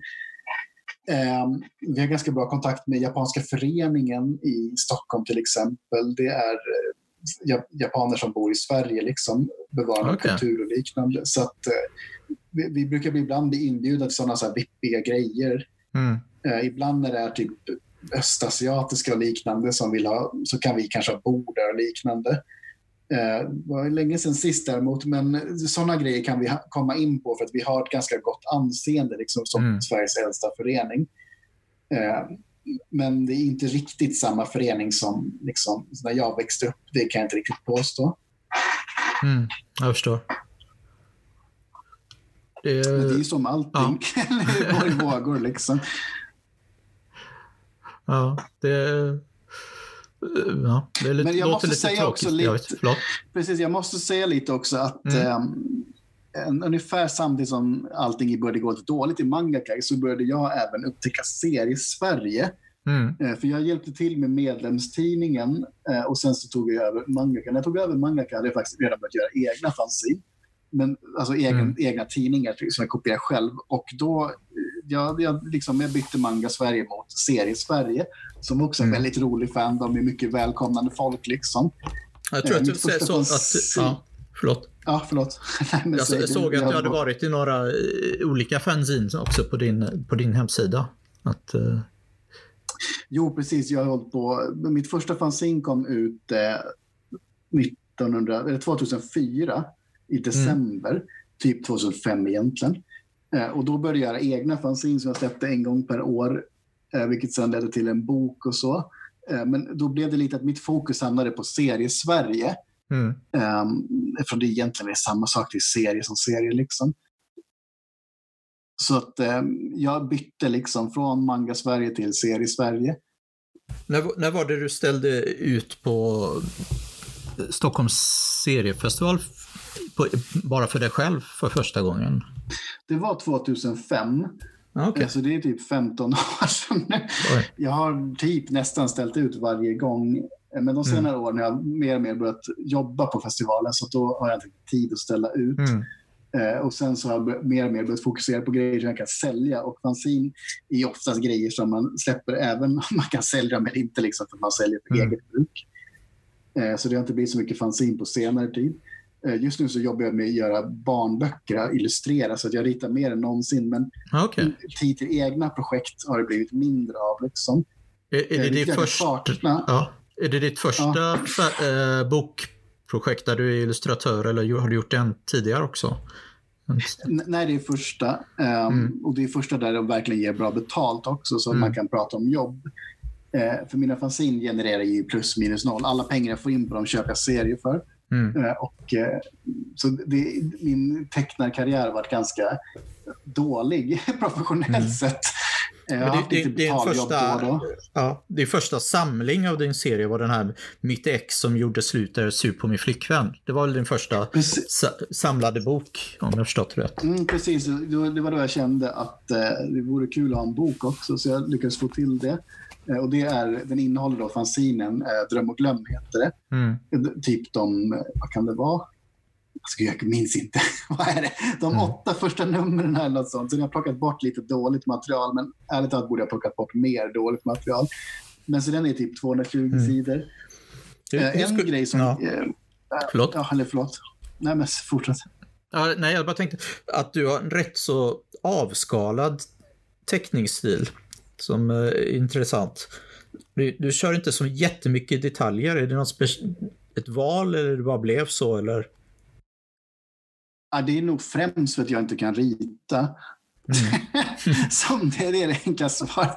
Alltså det roliga är att när jag kollade på min första serie, Mangaka nummer två, så kände jag så här. Eh, gud vad ful den här är. Gud vad mycket jag hatade min serie. Men när jag kollar Mm. på mina serier nu så här. Ja, nej, jag kan tycka att det objektivt sett ja, det, det är ganska bra ändå, måste jag säga. Men jag hatar det kanske inte lika mycket då, men, men i relation till hur jäkla mycket bättre det har blivit så hatar jag det fortfarande jättemycket. Jag har alltid tyckt att jag är jättedålig på att rita. Jag hade dåliga influenser också. För I serie-Sverige så upptäckte jag ganska tidigt att där var det liksom det man berättade var mycket viktigare än egentligen Mm. att hur bra man ritade. Så jag var ju, blev influerad av sånt tänkte att skit i att kunna rita, det är bara att berätta.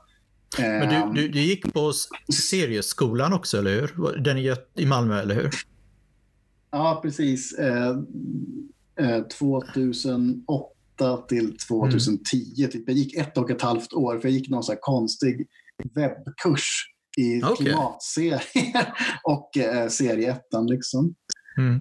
Um, tyvärr måste jag säga att de är inte jättefokuserade på det tekniska.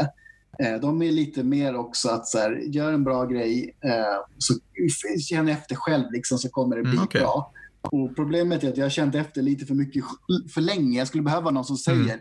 gör mer skrafferingar, mer prickar, ha mer tusch på dina sidor, de är alldeles för vita.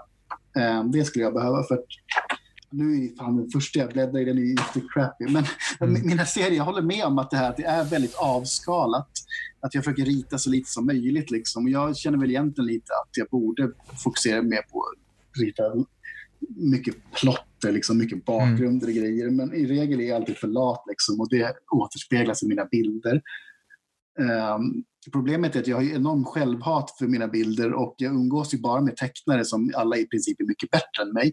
Men så fort man träffar vanliga dödliga människor så är det Åh, fint, det är otroligt, har du ritat den här? Så det är väldigt svårt att få någon slags hum om vilken nivå man ligger på. Liksom. Men jag skulle säga var... att, ja, förlåt, jag skulle ja. säga att det, det, går direkt att känna igen din stil och det tycker jag är något viktigt. Att det säger att ah, det här är Thomas som har ritat det här. Det känns på något ja, sätt. Ja, precis. Det brukar ju hyllas att man har en egen stil. Eh, det roliga är att jag är väldigt influerad av manga. Jag vill att det ska se ut som manga, men jag mm. vet inte. På skalan 0% manga, 100% manga är den ju inte på 100% manga. Mm. Jag tror att problemet är att jag är så dålig på att rita av så att jag har liksom aldrig tränat så mycket på att rita manga-ansikten.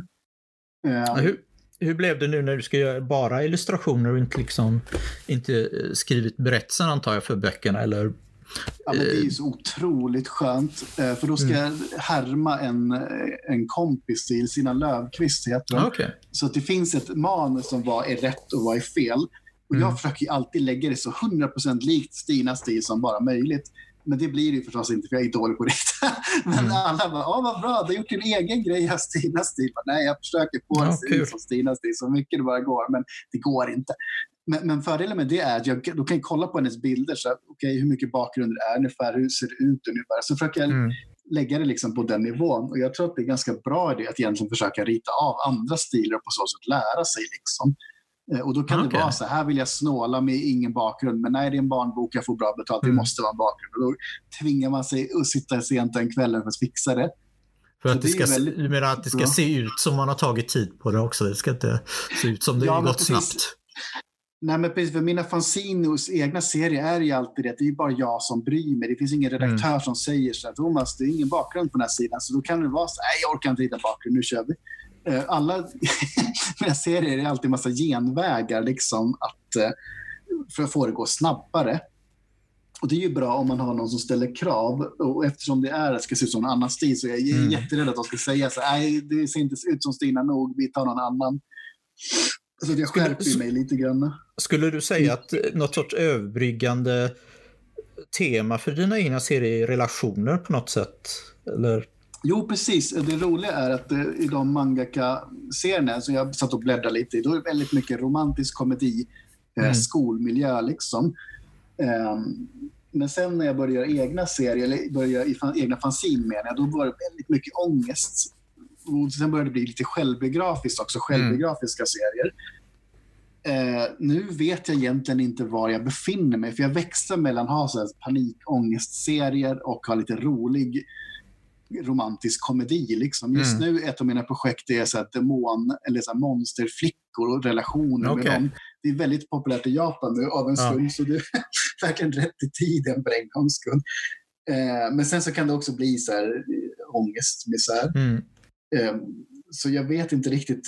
Problemet är att jag tjänar inte så jättemycket pengar så på mina serier. Det finns ju heller inte mm. så mycket eh, liksom, tillfällen för mig att publiceras om jag inte gör det själv. Så det finns ju liksom, jag har inga riktiga idéer om vilken vilket håll jag borde ta. Men du har, varit, du har varit i några antologier och så också. Du var väl i den där äh, kokboken för serietecknare, eller vad det var? Ja, men precis. Rätt. Jag har varit med i Serienördens kokbok om ett recept om nudlar. Mm. Väldigt mycket skämt. Eh, och sen var med i Serienördens trädgårdsbok, var det så den hette? med en fi- nej, miljö, nej vänta, jag säga, det var, eh, och även miljöantologin. Mm.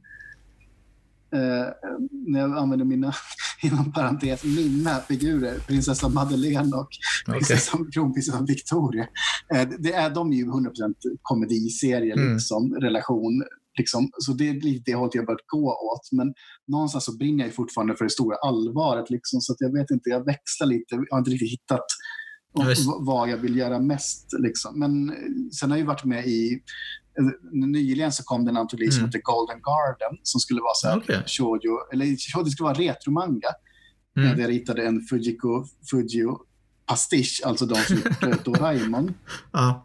Och det var ju också bara romantisk komedi, så jag tänkte jag försökte branda in mig på det. Det var inte så jättemycket ångest, jag tänkte det skulle vara feel Mm. För jag fick för mig lite att det var barn, skulle vara barnvänligt till den antologin. Jag vet inte Mm. riktigt vad det landade på. Jag har inte sett den än. Så. Det, har den kommit ut än eller är den på Ja, gång? precis. Men den kom ju typ i corona, så det blev ju misslyckat. Liksom, ingen releasefest och sånt. Så vi får se. Liksom. Jag tror att den är tryckt det, men eh, jag har inte riktigt fått mitt ex än. Så. Har, har du själv påverkats eh, av eh, coronan i ditt arbete och så? Eller har, har du sökt några stöd? Jag pratade lite med Lisa Medin också om, eh, om, om, om just det här med att söka olika stöd som kulturarbetare där. Har du själv Ja, också precis. Det kan, försökt? ju, det kan ju nämna att eh, jag har inte så jättemycket stolthet av mig som tecknare, men Mm. mig som ritlärare, där känner jag mig en riktig stolthet. Mm. Eh, för att någon gång runt eh, 2006 eller något sånt, så när manga började ta, liksom gå igång i Sverige så var det så här, de ringde till CRTeket, är någon som är ritlärare? Här CRTeket jag jobbade då, då sa jag, men Mm. Thomas, du kanske kan vara ritlärare? Jag bara, Ja, visst, vad får jag? 500 i timmen eller något sånt? Jag vet inte riktigt.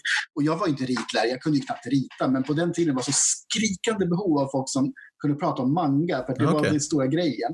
Och på det spåret fortsatte det och nu har jag kanske 300 någonting sånt kurstillfällen bakom mig. Liksom. Det, går, det är en Mm. ganska stor del av min frilansinkomst.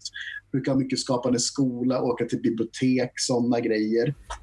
Ehm, och det, så jag blev ju påverkad av corona så tillvida att jag skulle åka till eh, ett ställe och ha Mm. skapande skola med så här femteklassare. Sen blev det inställd och sen fick jag tur nog pengar från de här 500 miljonerna som delas ut till kulturskapare. Så jag är väldigt tacksam över att Ja, min, min ansträngda ekonomi ändå klarade det. Men alltså frilansmässigt, de barnböckerna jag gör, de verkar ännu inte ha blivit påverkade. Mm. Ta i jäkla mycket trä. Och de jobbar ju hemifrån liksom, så det är ingen fara.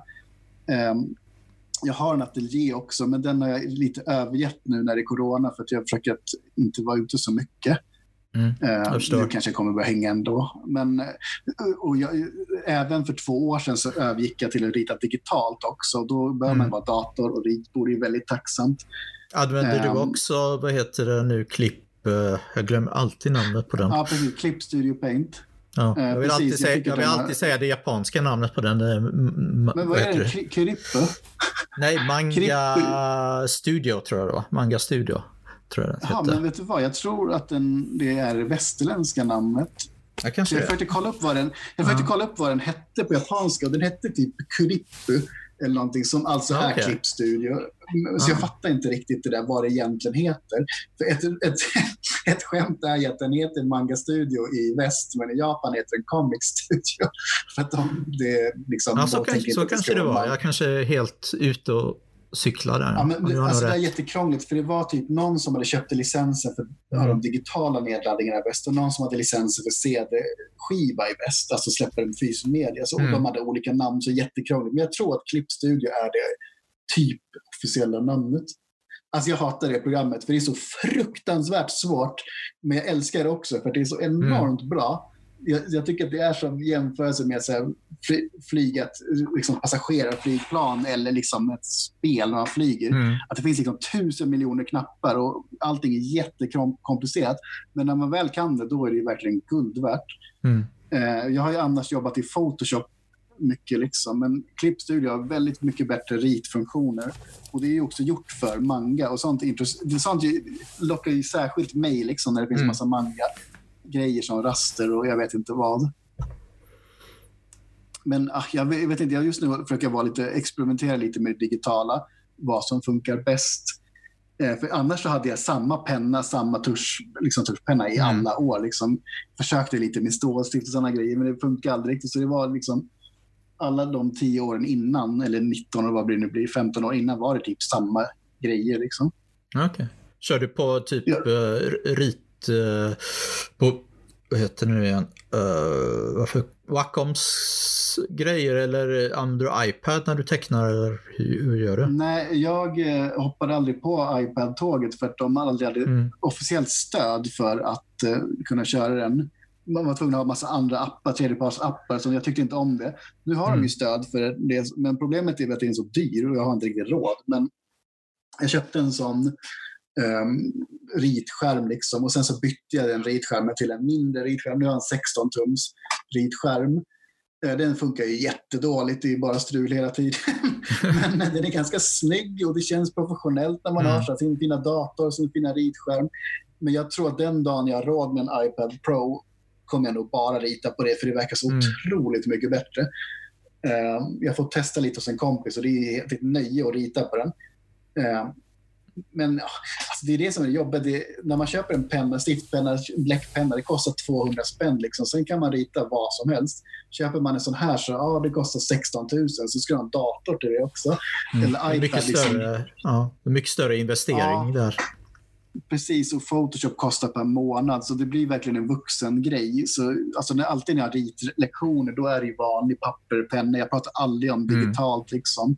Vilket är dumt, för det har verkligen hjälpt mig att rita digitalt. För det är så himla mycket lättare att sudda och göra skisser och sånt. Och liksom 3D-modeller och allting. Det är, det är framtiden Mm. helt enkelt. Men När, Ja. du, du, när du lär ut uh, serietecknande, är det själva också berättelse, göra berättelser också? Du, eller är det själva tecknandet bara som du fokuserar på? Alltså, du jag, har, jag kör alltid eh, ganska improviserat. Liksom. Mm. Oftast så är det ju så startkurser. Att det kanske är en lektion på 40 minuter och då hinner man inte gå igenom så mycket. Då får det bli enkla grunder så att de känner att de lär sig någonting. Men ibland har jag haft sådana studieförbund där det är flera lektioner. Eh, De är ju sjä- själadödande för att det är så extremt lågbetalt så att man blir helt knäpp. Men då ibland så försöker jag så här, nu ska vi göra en längre serie, tänk på det här och det här och det här. Men ofta så är de så unga och egentligen ointresserade så det är Mm. ganska svårt. Det kan vara att de vill mest lära sig rita gubbar. Liksom. Jag, försöker Mm. alltid, jag vill ju att man ska liksom vara en mentor till dem och så här, ge dem tips och vägledning. Det vore jättekul. Men ofta så är det ganska unga som ritar och det blir mest grunderna. Liksom. Mm. Har jag du, skulle har tycka det var jättekul att vara gästlärare på serieskolan till exempel. mm. Eller på vilken serieskola som helst egentligen. Det finns ju flera stycken nu. Hur, Och hur, verkligen du- prata ja. filosofi liksom, om teckning och berättande. Ja. Ja. Hur, hur är det med, jag pratade ju lite med Lisa om det också, hon pratade lite om eh, för, hur, eh, hur det har ändrats med att hon började prata eh, för länge sedan då om manga och förklara det och sen har det gått över till att ingen vet vad det är längre. Eller du pratar inte alls om den sidan utan bara om serietecknarna de du lär ut? Eller? Alltså, det intressanta är att eh, jag brukar alltid säga att men, eh, seriekurs, liksom, Mm. ni kan sälja in det som det. Men oftast de jag jobbar med brukar alltid ändå sälja in det som manga. Mm. Ehm, så jag, de jobben jag har är det nog fortfarande manga. Och sen så brukar jag försöka göra en kompromiss. Men okej, manga-serier. För jag vill att Mm. det ska komma besökare, så jag är livrädd. Det ska vara manga, så kommer ingen för att ingen bryr sig. Men det brukar ändå vara en hel del manga-intresserade. Så att, eh, jag tror att självklart så var det ju verkligen en boom eh, när alla ville ha, rita manga-kurser. Men, och det, det känner jag av nu att det inte är lika många uppdrag. Mm. Men for, det är fortfarande det och eh, det kan fortfarande vara manga liksom. Eh, men eh, ja, alltså, jag vill ju att de ska lära sig rita. Sen vad de vill rita, det är skitsamma. Mm. Om de inte vill rita manga, det fine. Men grunden är ju densamma liksom. Så om folk vill hålla på med manga, det är jättekul. Det finns jättemycket Mm. att lära. Massa olika symbolspråk och sådana grejer liksom. Eh, Hur, hur är det de, de som tecknar? Det någon sorts uh, mangastil i Sverige? Har det bildats något svenska symbolspråk eller är det, det är bara liksom de japanska som man har tagit? Det var en väldigt bra fråga. Som jag faktiskt inte på rak arm kan... Jag vet att i serie Sverige så finns det något så här, skriva le mm. efter ordet för att göra det till ett verb. Typ så här, ram, ramlar, ramle. Jag vet inte riktigt. Men eh, typ den generationen som David Liljemark är med i använder väldigt mycket sånt. Mm. Eh, men annars så, alltså, det var en väldigt bra fråga. För att de flesta manga-personerna är ju väldigt influerade av manga. Eh, och då brukar det vara så att försöka hålla sig så mycket till manga som möjligt. Mm. Och de som tröttnar på att förhålla sig till så mycket manga som möjligt brukar helt och hållet byta allting. Eh, så det, det är en väldigt bra fråga. Det, egentligen så skulle det vara kul om det blev så egna svenska grejer, liksom. men jag kan inte komma på en enda. det kommer med tiden kanske, att det blir. Ja, men precis. Men vad, var det, jag frågade Lisa också det här, liksom, om eh, vad var det första stilarna du försökte kopiera? Om man säger så. Vilka serier i manga eller annat, inte nödvändigtvis uh, japanska ens, men vad var det du gillade och vilka serier var det du försökte kopiera i början när du började speciellt? Alltså, till att, till att börja med så är jag en sån typisk manga-kid som ritade inte jättemycket innan mm. manga. Mm. Jag ritade i skolan liksom runda ringar som huvuden. Liksom. Men sen när jag upptäckte manga 95, 96 så var, då ville jag rita manga. Eh, det första jag började träna på var Gundam Wing som var en okay. serie. um, och det var ju ganska misslyckat eftersom det senare blev helt annat. en annan mm. stil. Men sen hade jag hade en ro, fick en dojinshi av min syrra. Dojinshi är japanska termen för fanzine. Liksom. Mm. Och då var det att en, en antologi med massa olika tecknare som hittade gagserier. Så det hade jag som inspiration länge, typ så här roliga ansiktsuttryck. Jag läste mycket Rumiko Takahashi, men jag försökte liksom, jag var som sagt dålig på att försöka rita någon annan stil. Så jag, det var aldrig riktigt någon stil som jag var influerad av, vilket okay. är synd. Um, för det hade troligtvis lärt mig mycket snabbare då. Uh, sen någon gång så, jag tror att det kanske var i samband med Tezuka, och som med mm. Tezuka så insåg jag att om man fyller i ögonen helt istället för att försöka rita massa så här, ljusreflektioner och skit så blir mycket, mycket snyggare. Och då började jag köra med helt ifyllda ögon. Okay. Jättemycket manga som har det av mainstream manga. Men till exempel Kishimoto som gör Naruto kör ju med den grejen med så helt ifyllda ögon. Um, men nej, tyvärr, jag hade typ ingen stilinfluens. Just nu försöker jag verkligen härma Ghibli, för jag tycker det är så kul att ha Ghibli-stil. Men återigen, jag är för lat för att sitta och träna på stilar, så jag kör liksom Mm. Jag, jag, har helt enkelt, min stil har förberetts ganska långsamt med, med, genom åren. Liksom. Jag försöker alltid träna på anatomi däremot för att eh, få det att se så mm, liksom, realistiskt som möjligt ut. Men ja, det funkar jag, jag, ser, jag ser det här i, i, lite snabbt. Jag bara öppnade en sida i uh, mitt ex som gjorde slut, uh, slut på min flickvän. Så har du en serie som Mitt rum i Rosengård här som jag bara råkade få upp här som är tecknad lite annorlunda, mer realistisk stil kan man säga. Mm, precis, jag, som, för de som inte har boken framför sig så kan jag mm. säga att det var typ foton som jag hade kalkerat med blyerts. Med så olika skuggor och gråskalor, så det var realistiskt och så. Eh, det var ju på serieskolan Eh, jag tror till och med det var Natalia Batista som utmanade mig. Så gör något helt annorlunda, visa dem. Okay. Och det var ju, så här i efterhand så var det ju verkligen en, var en missed opportunity. För jag gjorde den mest för att ah, men ska jag göra något annat bara för folk. Mm. Manga, folk gillar aldrig mina manga-grejer. Liksom. Um, och sen blev den jättepopulär. Alla bara, ah, helt otroligt, fan vad ballt. Det här borde jag göra mer av. Men jag hade liksom bara kalkerat lite foton så jag kände att det var inte så roligt det var inte så mycket att göra själv i den här. Men det var typ en av de grejerna som folk verkligen gick igång på. Så, jag, mm. så här efter, jag skulle verkligen gjort fler av den. Nu vet jag 17 om jag skulle ha den integriteten och bara kalkera foton. Men ja, det, det, det, var ett experiment som egentligen var väldigt lyckat men som jag själv mm. inte Ja, det var dumt. det borde jag, borde jag kört mer på. Ja, men för på den tiden var, då hade jag byggt upp någon slags aggression över att jag gjorde grejer som jag tyckte folk borde gilla men folk inte riktigt Alltså alla tecknare har ju extremt mycket så problem med att de inte får den respekt de förtjänar. Men jag kände mm. att jag gjorde så moderna svenska serier, ångest, självbiografiskt, mörkt och sen gjorde jag med manga-stil. Jag kände att det var en grej som många efterfrågade men som inte egentligen fanns något intresse av. För det var väldigt många som ville att den här grejen, folk som läser manga som gör något eget ja. av det skulle komma. Men jag vet inte, mina serier, jag upplever egentligen aldrig att de har varit särskilt stora. Jag har tryckt mina fanzine i ungefär 100 200, 200 mm. 150 de första numren, sen blev det bara 100 per nummer.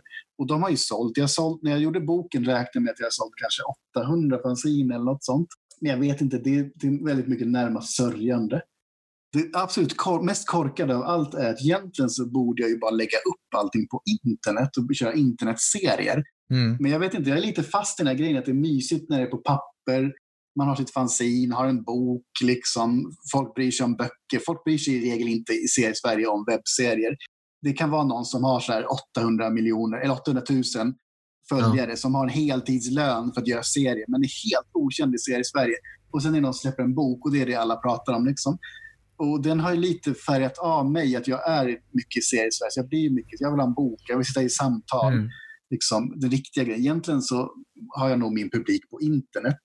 Jag, egentligen borde jag ju satsa på det, men jag vet inte, varje år tänker jag så här, nu ska jag fan mig lägga upp grejer på internet och webbserier, men sen så orkar jag inte. Ja, det är ju det är ett uh, nytt sätt och uh, ny sak att börja på plötsligt, så det, det, krävs ju lite extra energi att göra det också, antar jag. Men, uh, ja, precis. Mm. Jag ehm, gjorde min Berg, Ingmar Bergman-serie som jag tänkte den här ska jag lägga upp på internet, för mm. det borde internet gilla. Eh, sen så blev det bara ett nummer av den, så jag vet inte, får vi göra lite fler så jag kan lägga upp dem på internet. Um, har du kollat upp lite för, bra platser att lägga upp det eller du tänkte mest på din hemsida? Eller? Nej, men det finns ju vissa communities nu för tiden som mm. dels så är det bra för att man får massa gratis läsare och dels är det bra för att om man blir otroligt stor så kan man börja leva på det. Som sagt, det är en av dem i Nosebleed Studio som får heltidslön för att sitta och rita serier. Oj. Och då är dealen att man får bara lägga upp dem på Webtoon, Tapas eller vad det är 17 mm. Det finns typ tre olika sådana stora. Eh, sen kan man ju också göra e-böcker liksom som man säljer, men jag vet inte riktigt hur stor den branschen är jag tror på den här, ge bort gratis mm. och sen få sponsring liksom via Patreon eller att man ja, det, det, verkar, det verkar mycket vanligare i, i, i webbserievärlden i alla fall. Ja, men det finns återigen en så helt hysterisk, en, en uh, finsk, jag skulle kalla det manga, jag vet inte om mm. den här personen håller med, men uh, Stay si Silent Stay Still, eller vad den heter.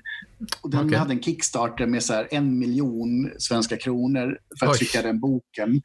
Och den personen tjänar ju också enormt mycket pengar på den här webbserien. Så det, och det är också helt okänt i serie-Sverige i övrigt. Men det är väldigt häftigt mm. att det finns liksom så liksom, det finns sådana möjligheter med internet att göra sådana grejer på. Ärligt talat, de senaste ritlektionerna jag haft, så alla barnen tjatar på så här, men kan inte du visa på Instagram när du sitter och ritar? Ja. Det verkar ju också vara någonting som folk går igång på, att som man livestreamar liksom. Ja, just det. Eh, så ja, jo. Jag tror att internet egentligen är en väldigt outnyttjad resurs för mig, vilket är ironiskt eftersom mm. jag surfar på internet typ fyra timmar per dag och egentligen inte skulle säga att jag är särskilt dålig på det. Men ah, ja, alltså, som sagt, mina serier, jag gör dem mest för mig själv, ärligt talat. Mm. Och, um, jag skulle behöva, behöva lite göra serier för andra helt enkelt. Kanske professionellt eller kanske mest för en publik. Liksom. Men jag ser de senaste åren har blivit mer och mer invända mot mig själv. Liksom, mm. Det blir så romantiska komedier liksom, som jag känner att kanske bara jag uppskattar. Men nu, nu sitter du och gör de här illustrationerna i alla fall som är för någon annan. Kanske det är en jo, väg precis, att... Jag, det... Mm. Ja, precis. Jag är väldigt tacksam över det jobbet. Eh, en dröm vore väl om jag kunde börja göra egna grejer. Liksom. Så mm. jag kunde lobba för bokförlag, göra barnböcker och sånt. Det vore fantastiskt kul att kunna använda sin kreativitet till sånt. Liksom. Um, Men du har, du har skrivit men, eh, böcker också, eller hur? Du var några där också. Som ja, du... precis. Alltså, jag har en bok som går att läsa som heter Månsommar Jag vet inte riktigt hur den går att läsa för att vi har lite misslyckats med vår hemsida så jag vet inte om den finns att ladda ner. Det det var en sån Okej. e-bok. Den Mm. gick att låna via bibliotek och sånt också som jag skrev med min kompis Anders Äger Jönsson. Eh, Den, den skrev vi för vi tänkte det här ska bli nya Twilight. Vi ska bli ekonomiskt oberoende så ska vi kunna göra vad vi vill resten av livet. Jag tror kanske fem pers har läst den här Mm. boken så det blev inte riktigt Twilight men jag vet inte, jag tyckte att det var okej. Den är lite så här manga-inspirerad. Det ska Mm. vara typ hommage till Macross, eh, den som heter Robotech på svenska. Så det är typ ungdomsroman i rymden i någon så här möjlig framtid. Okej. Eh, musik och sådana grejer. Eh, sen har jag även skrivit två barnböcker för byrålådan som inte kom Mm. längre. Jag tycker det är så himla svårt. Man skriver liksom en barnbok och så skickar man den till Bonnier så är det eh, en av 8000 i en bunt. Och sen så svarar de, hej vi kan tyvärr inte gå vidare med ett manus. Och då vet man inte, har de ens kollat på den? Har de kollat på den? Tyckte Mm. de var dålig? Var den bra? Men det var någon grej som var dålig och de hade 8000 manus så de kunde inte riktigt gå igenom. Ja, Jag vet inte. Så det, det, även där är det liksom att det är svårt, känner jag, att eh, få någon gehör för saker. Mm. Men jag tror att de, de, flesta refuseras väl en hundra gånger innan de slår i, får igenom någonting också. Så Ja, Harry Potter vara. är väl typ så här, eh, sju, sju refuseringar, något sånt. Mm. nu är det typ världens rikaste person. Så, alltså jag, egentligen borde jag ligga på mer. Jag hade någon idé om att jag skulle skriva 20 stycken barnböcker och skicka in dem. Och om inte det gick så skulle jag lägga ner det. Jag kunde Mm. skriva dem ganska snabbt nämligen. Eh, bara någon månad. Och jag kom på jättemycket det för jag är superkreativ så att det var inget svårt att hitta på manus. Liksom. Men jag fastnade på bok två. Jag ska väl ta upp det projektet. men Jag tycker 20 böcker, om inte det går, då kommer det aldrig gå. Mm. Men för Men- Barnbokssverige är väldigt tacksamt. Mm. Det är mycket pengar, så kan man åka bokfattarbesök och sånt. Men jag, jag antar att de här barnböckerna och så, när du skriver sånt, är det inte lika inåtvänt? Eller är det även de inåtvända, skulle du säga? Nej, Eller? precis. Alltså, de, de, tänker ju så här, det här ska någon vilja ge ut Ja. och det här ska folk vilja köpa. Så där försöker jag ändå tänka lite. Och då, ehm, då känner jag ändå lite att det måste finnas en målgrupp. Mm. Alltså när, när det kommer till mina serier, ärligt talat så växlar det mellan nu gör jag saker som jag vill göra men som jag tror att folk vill köpa. Mm. Och sen så vill inte folk ha det ändå, får, får förlagen säga nej. Då gör jag något helt superinåtvänt, jag skiter i det. Nu gör jag Prinsessa Madeleine, romantisk komedi liksom. Eh, Finns det- och det sen ingen så kanske, Ja, förlåt. ja, men sen visst- så kanske jag tänker, nej men kanske skulle försöka göra någonting som ett Mm. förlag vill ha ändå. Så jag växlar lite mellan dem ärligt Mm. talat. Finns det ingen mellanväg finns- mellan de två extrema? Eller? Ja, Ja. alltså det här är så svårt för det de lär ut på serieskolan är ju liksom gör någonting du själv gillar Mm. och är det tillräckligt bra så kommer folk andra gilla det. Men jag vet inte, ibland får man faktiskt tänka vad funkar och vad skulle vara en bra idé? Mm. Och sen försöka göra idén efter det. Liksom. Eh, Så jag försöker göra saker som jag själv tycker är bra men som jag ändå tror eh, det kan finnas en publik till. Alltså, man skulle Ja. kunna bli supercynisk och så här, göra någonting som man bara tror för att få det utgivet. Liksom. Men jag vet Mm. inte, jag, så, sånt intresserar inte mig riktigt. Och jag vet inte heller, det är säkert bara en myt. Det skulle inte gå ändå. För det är Mm. säkert bara tur eller slump som avgör om man blir utgiven. Jag vet inte riktigt. Jag pratade ju lite... li- betalar det sig. Mm. Jag pratade ju Ja. lite med Lisa och- också om att jag har fått känslan på eh, seriefestivalen då i Stockholm att eh, det är inte så många som egentligen har så jättestort intresse för att bli, att bli utgivna av förlag. Utan det, det är lite e, e, egen utgivning framför allt då att liksom sälja till du sina menar- kompisar. Du menar bland eh, fanzinborden då? Eller egengivna grejerna? Alltså? Ja. Eller allmänt där. Ja, Att, eh, att det, det finns inte ett jätteintresse för att få dem utgivna av förlag och sånt där.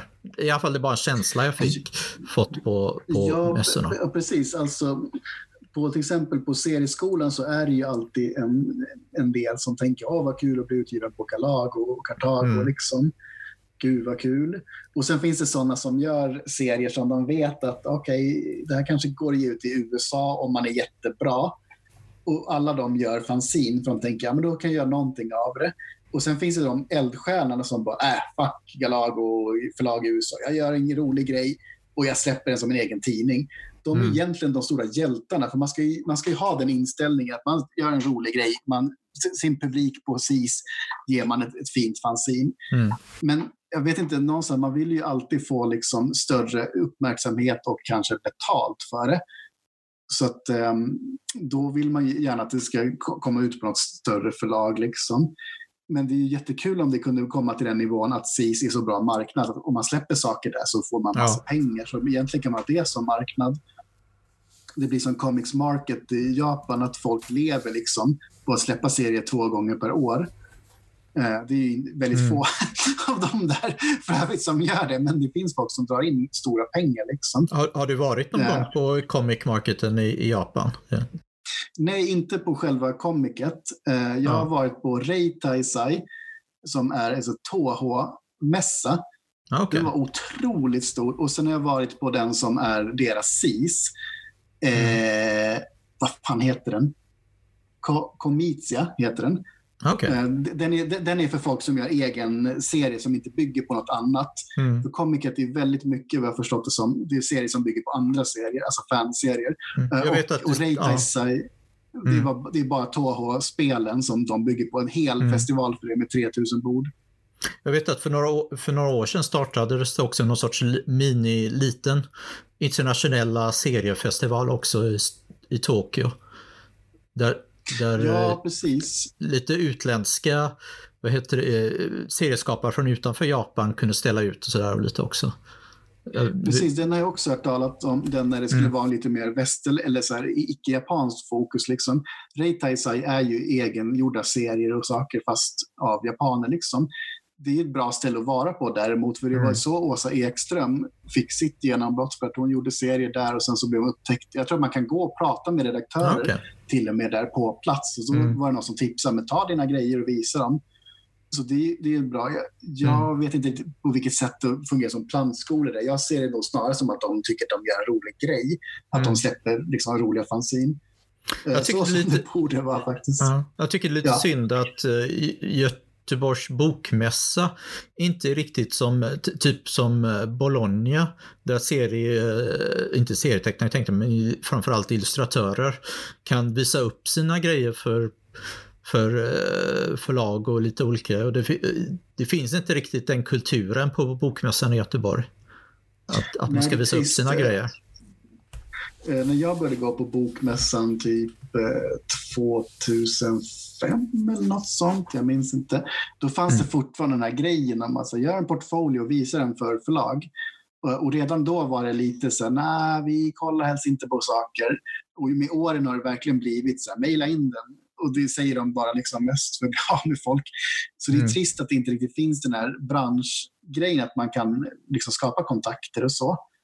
Ehm, det har vi försökt introducera på, på SIS, att ja. liksom, prata med redaktörer och liknande. Det var, till exempel, när jag var på Angolem så hade de ju sådana grejer. Mm. Ehm, och vi, det fanns även en, en manga manga-konvent i Stockholm där det var så att prata med japanska redaktörer. Liksom. Ehm, sånt är ovärderligt när de kan ge råd, där de säger så här, men det här funkar, det här funkar inte. Liksom. Mm det är lite det som saknas. Att folk gör sin egna grej och gör man den tillräckligt bra eller har tur så blir man utgiven. Liksom. Och ingen riktigt vet vad det är som gäller. Jag tror att i, i Japan så är redaktörerna mycket mer, vad det gäller manga i alla fall, mycket mer, in, speciellt vissa sorts manga i, i Japan så är de väldigt inblandade i, i skaparprocessen i, tror speciellt ja, sådana shonen-manga och sånt där så är de väldigt inblandade där. Precis, det är en bra fråga jämfört med USA, vilka som har mest inblandning. Mm. Jag får lite känslan ibland i Japan om att det mest är att de eftersträvar kvalitet. Liksom. Men ibland ja. är det säkert att det är någon som håller koll på alla hundra figurer i en serie och så här, håller koll på när det ska bli spännande och så det är en sak som jag alltid förvånas över att det går liksom en gång i veckan eller en gång i månaden i mm. tidningar i Japan. Men på något sätt lyckas de alltid få en cliffhanger och en avslutad grej i slutet av varje volym av en manga. Så de ja, måste nog räkna det som typ åtta kapitel åt gången eller något sånt och mm. sen lyckas de ändå få det bra. Det är inte jätteofta jag tycker att det är en serie som bara pågår. Och liksom, alltså kanske är mer typ, jag vet inte, Shonen Jump, men att det är det känns som att man bara bryter helt plötsligt. Mm. För ofta så känns det ändå som att de, tecknarna har tänkt att det här är en volym. Liksom. Ja, det... Och sånt antar jag också redaktör liksom hjälper till med. Det är intressant att se skillnaderna i, i kulturen. Man tycker alltid det, det är lite synd, som vi också pratade om i början, det där med att i, i Finland har hela den här manga intresset för japanska serier och manga håller kvar på ett helt mycket och ges ut fortfarande en viss del. Mycket mer än vad det gör i Sverige. Och att det har att göra med just att de har på något sätt behållit det här föreningslivet, som jag har förstått. Och liksom jag, jag cirklarna. Tror det är, jag tror det är många faktorer som spelar in. Mm. Men det var ju väldigt häftigt när jag var i Finland i höstas. Och liksom upptäckte att man släppt Gabriel Dropout på finska. Och mm. en super-otaku-serie som jag gjort för män 35 plus. Men sådana serier brukar funka bra med tonåringar också. Så, mm. um, så den var utgiven där. Men jag vet inte, jag fick alltid den bilden av att Finland tidigare än Sverige var ett ganska stort serieland. Nu vet jag inte, jag tror att nu är Sverige och Finland ungefär lika stora, men mm. de var liksom större tidigare. Har du eh, varit på deras förstått... Eh, seriefestival? Jag minns inte vad den är. Mm. De har en stor, eh, för mig. Precis, Helsingfors seriefestival bland ja. annat. Det finns en till. Det fanns ju den i Kemi också som var väldigt häftig. Eh, okay. Men nej, Helsingfors seriefestival har jag varit på en gång eh, och hade bord där. Det var ingen jättebra succé mm. kan jag säga. Eh, kanske för att jag oftast bara säljer till mina vänner eller kanske för att jag vet inte, folk inte liksom var intresserade. För då hade jag ju, mm. då hade jag tryckt upp en grej på engelska för att inte bara skulle vara på svenska, för jag fattade att alla finnar inte kan svenska. Liksom. Men sålde ja. nästan ingenting. Det var väldigt svårt att få det sålt. Kändes det som det var en annan kultur där i, i Finland i, i, i den seriemarknaden? än, än, än det svenska? Ja, alltså precis. Det var ju första gången jag var på en, en seriefestival i, eh, i Finland, så jag hade tänkt mm. mig att det skulle vara åtminstone som Stockholms internationella seriefestival. Men då insåg jag att nej, vi har blivit större än Finland. Eh, liksom på gott och ont. Eh, och det okay. var lite trist, för jag hade tänkt mig att det skulle vara liksom, en sån stor marknad. Men det var lite mindre och eh, det var, det var liksom svårare att liksom, sälja och så vidare. Men mm. ja, alltså jag tyckte det är häftigt för att det, de, det är en helt annan grej. De sätter upp så stora tält på torg i, mitt i stan och det finns jättemycket okay. roliga lokaler de kan ha utställningar i. Så på sätt och vis är det ju häftigare. Men jag kände att det var kanske färre fans liksom. Tycker du det? Därför jag tycker att speciellt när seriefestivalen varit eh, där den brukade vara tidigare, så dröste det in massa folk som bara råkade gå förbi och tyckte jag var lite kul. Så att eh, i ja, Kulturhuset. Precis. Eh, ja, precis. Jag vet inte riktigt. Det kan vara att eh, att alltså, se, se, internationella seriefestivalen har ju många fler utställare. Och jag får mm. lite känslan av att de flesta som köper serier är utställarna själva. så det är så seriefans som köper seriefans grejer. Ja, um, sen liksom det, så det kan, kan vara därför, liksom, jag vet inte riktigt. Mm. Jag har ju helt klart byggt upp liksom, någon form av förtroende bland svenska läsare. Liksom. Medan i Finland så var det helt okänt, så det är kanske inte är så konstigt att jag sålde typ ett exemplar. Mm. Men lite konstigt ändå. Så dåligt är det väl inte. Och hur, vad var det för sorts person som köpte den då? Det här, det här exemplaret som såldes? Alltså det vet jag inte.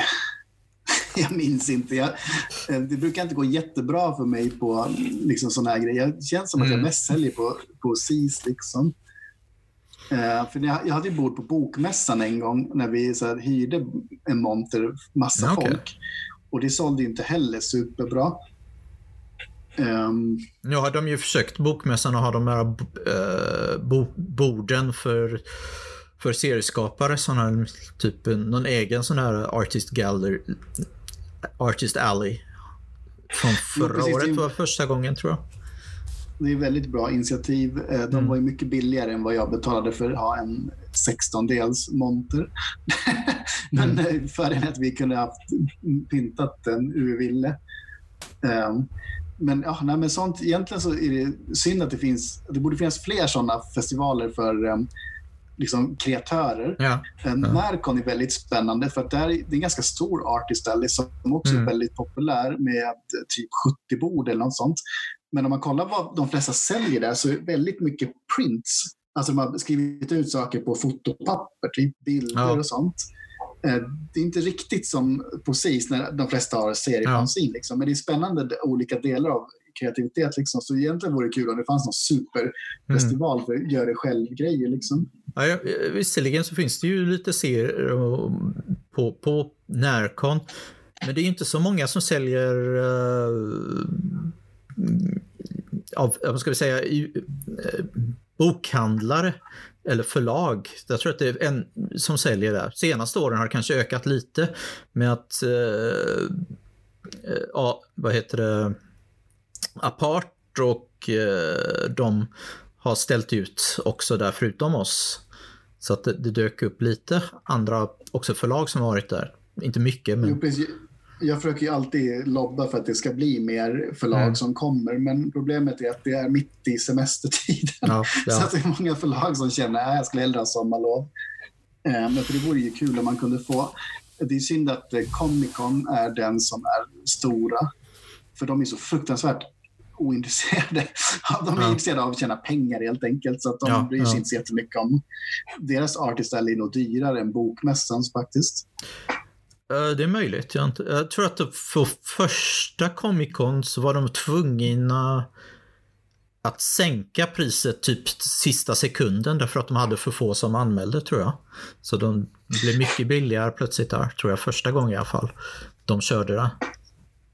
Ja, precis. För de har ju liksom ett kvadratmeterpris per montra som de gärna vill sälja. Ehm, och sen är den här roliga grejen att den geek-kulturen med comics mm. och att göra egna serier inte riktigt så hänger ihop på något sätt. Så att det är liksom, det är coolt Marvel och grejer, men ingen riktigt tänker på var allt det här kommer ifrån. Men mm. de, de kämpar varje år med det. I, senast i höstas så var det ju till och med inflygna gäster från USA. Liksom, oh, oh. Vad heter det? Batman-tecknare och sånt. Så det, det går åt rätt mm. håll. Men det, det, var väl uh, på ett sätt var det li, li, li, lite jag minns det för att uh, just, vårt bord var alldeles i närheten av de amerikanska tecknarna. Och det var liksom de hade sina köer också, men så hade de liksom den där jättekön bredvid dem. Eh, som var otroligt stor som gick till, eh, vad heter han, eh, de som podcastar rollplay. Ja, ja, precis. Det var, lite, det var lite liksom, oj, det är jättekö och så sitter de där i USA jättekända tecknarna och liksom får några stycken då och då. Ja, precis. Där kände jag verkligen mig stolt över att jag ändå har fortfarande koll på all den här skiten. För jag fattade direkt när det var critical role. Okej, okay, mm. det kommer vara hälften av alla besökare kommer vilja ha det här. Men de visste typ inte vad det var de bokade, jag har förstått det som. Och sen så blev det en kö genom hela lokalen. Liksom.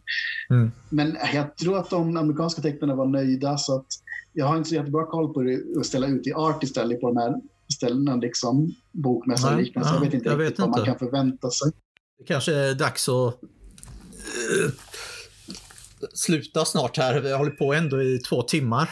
Även om vi hade några minuter emellan där. Uh, Precis, det är, nästan, att, det är nästan två avsnitt, Mangakaj och Thomas samtidigt. Ja, så att, jag tackar så mycket för samtalet Thomas och uh, tack så mycket och eh, mm. hej då. Tack för, tack för att jag fick komma. Hej då. Ja, just, hej, hej.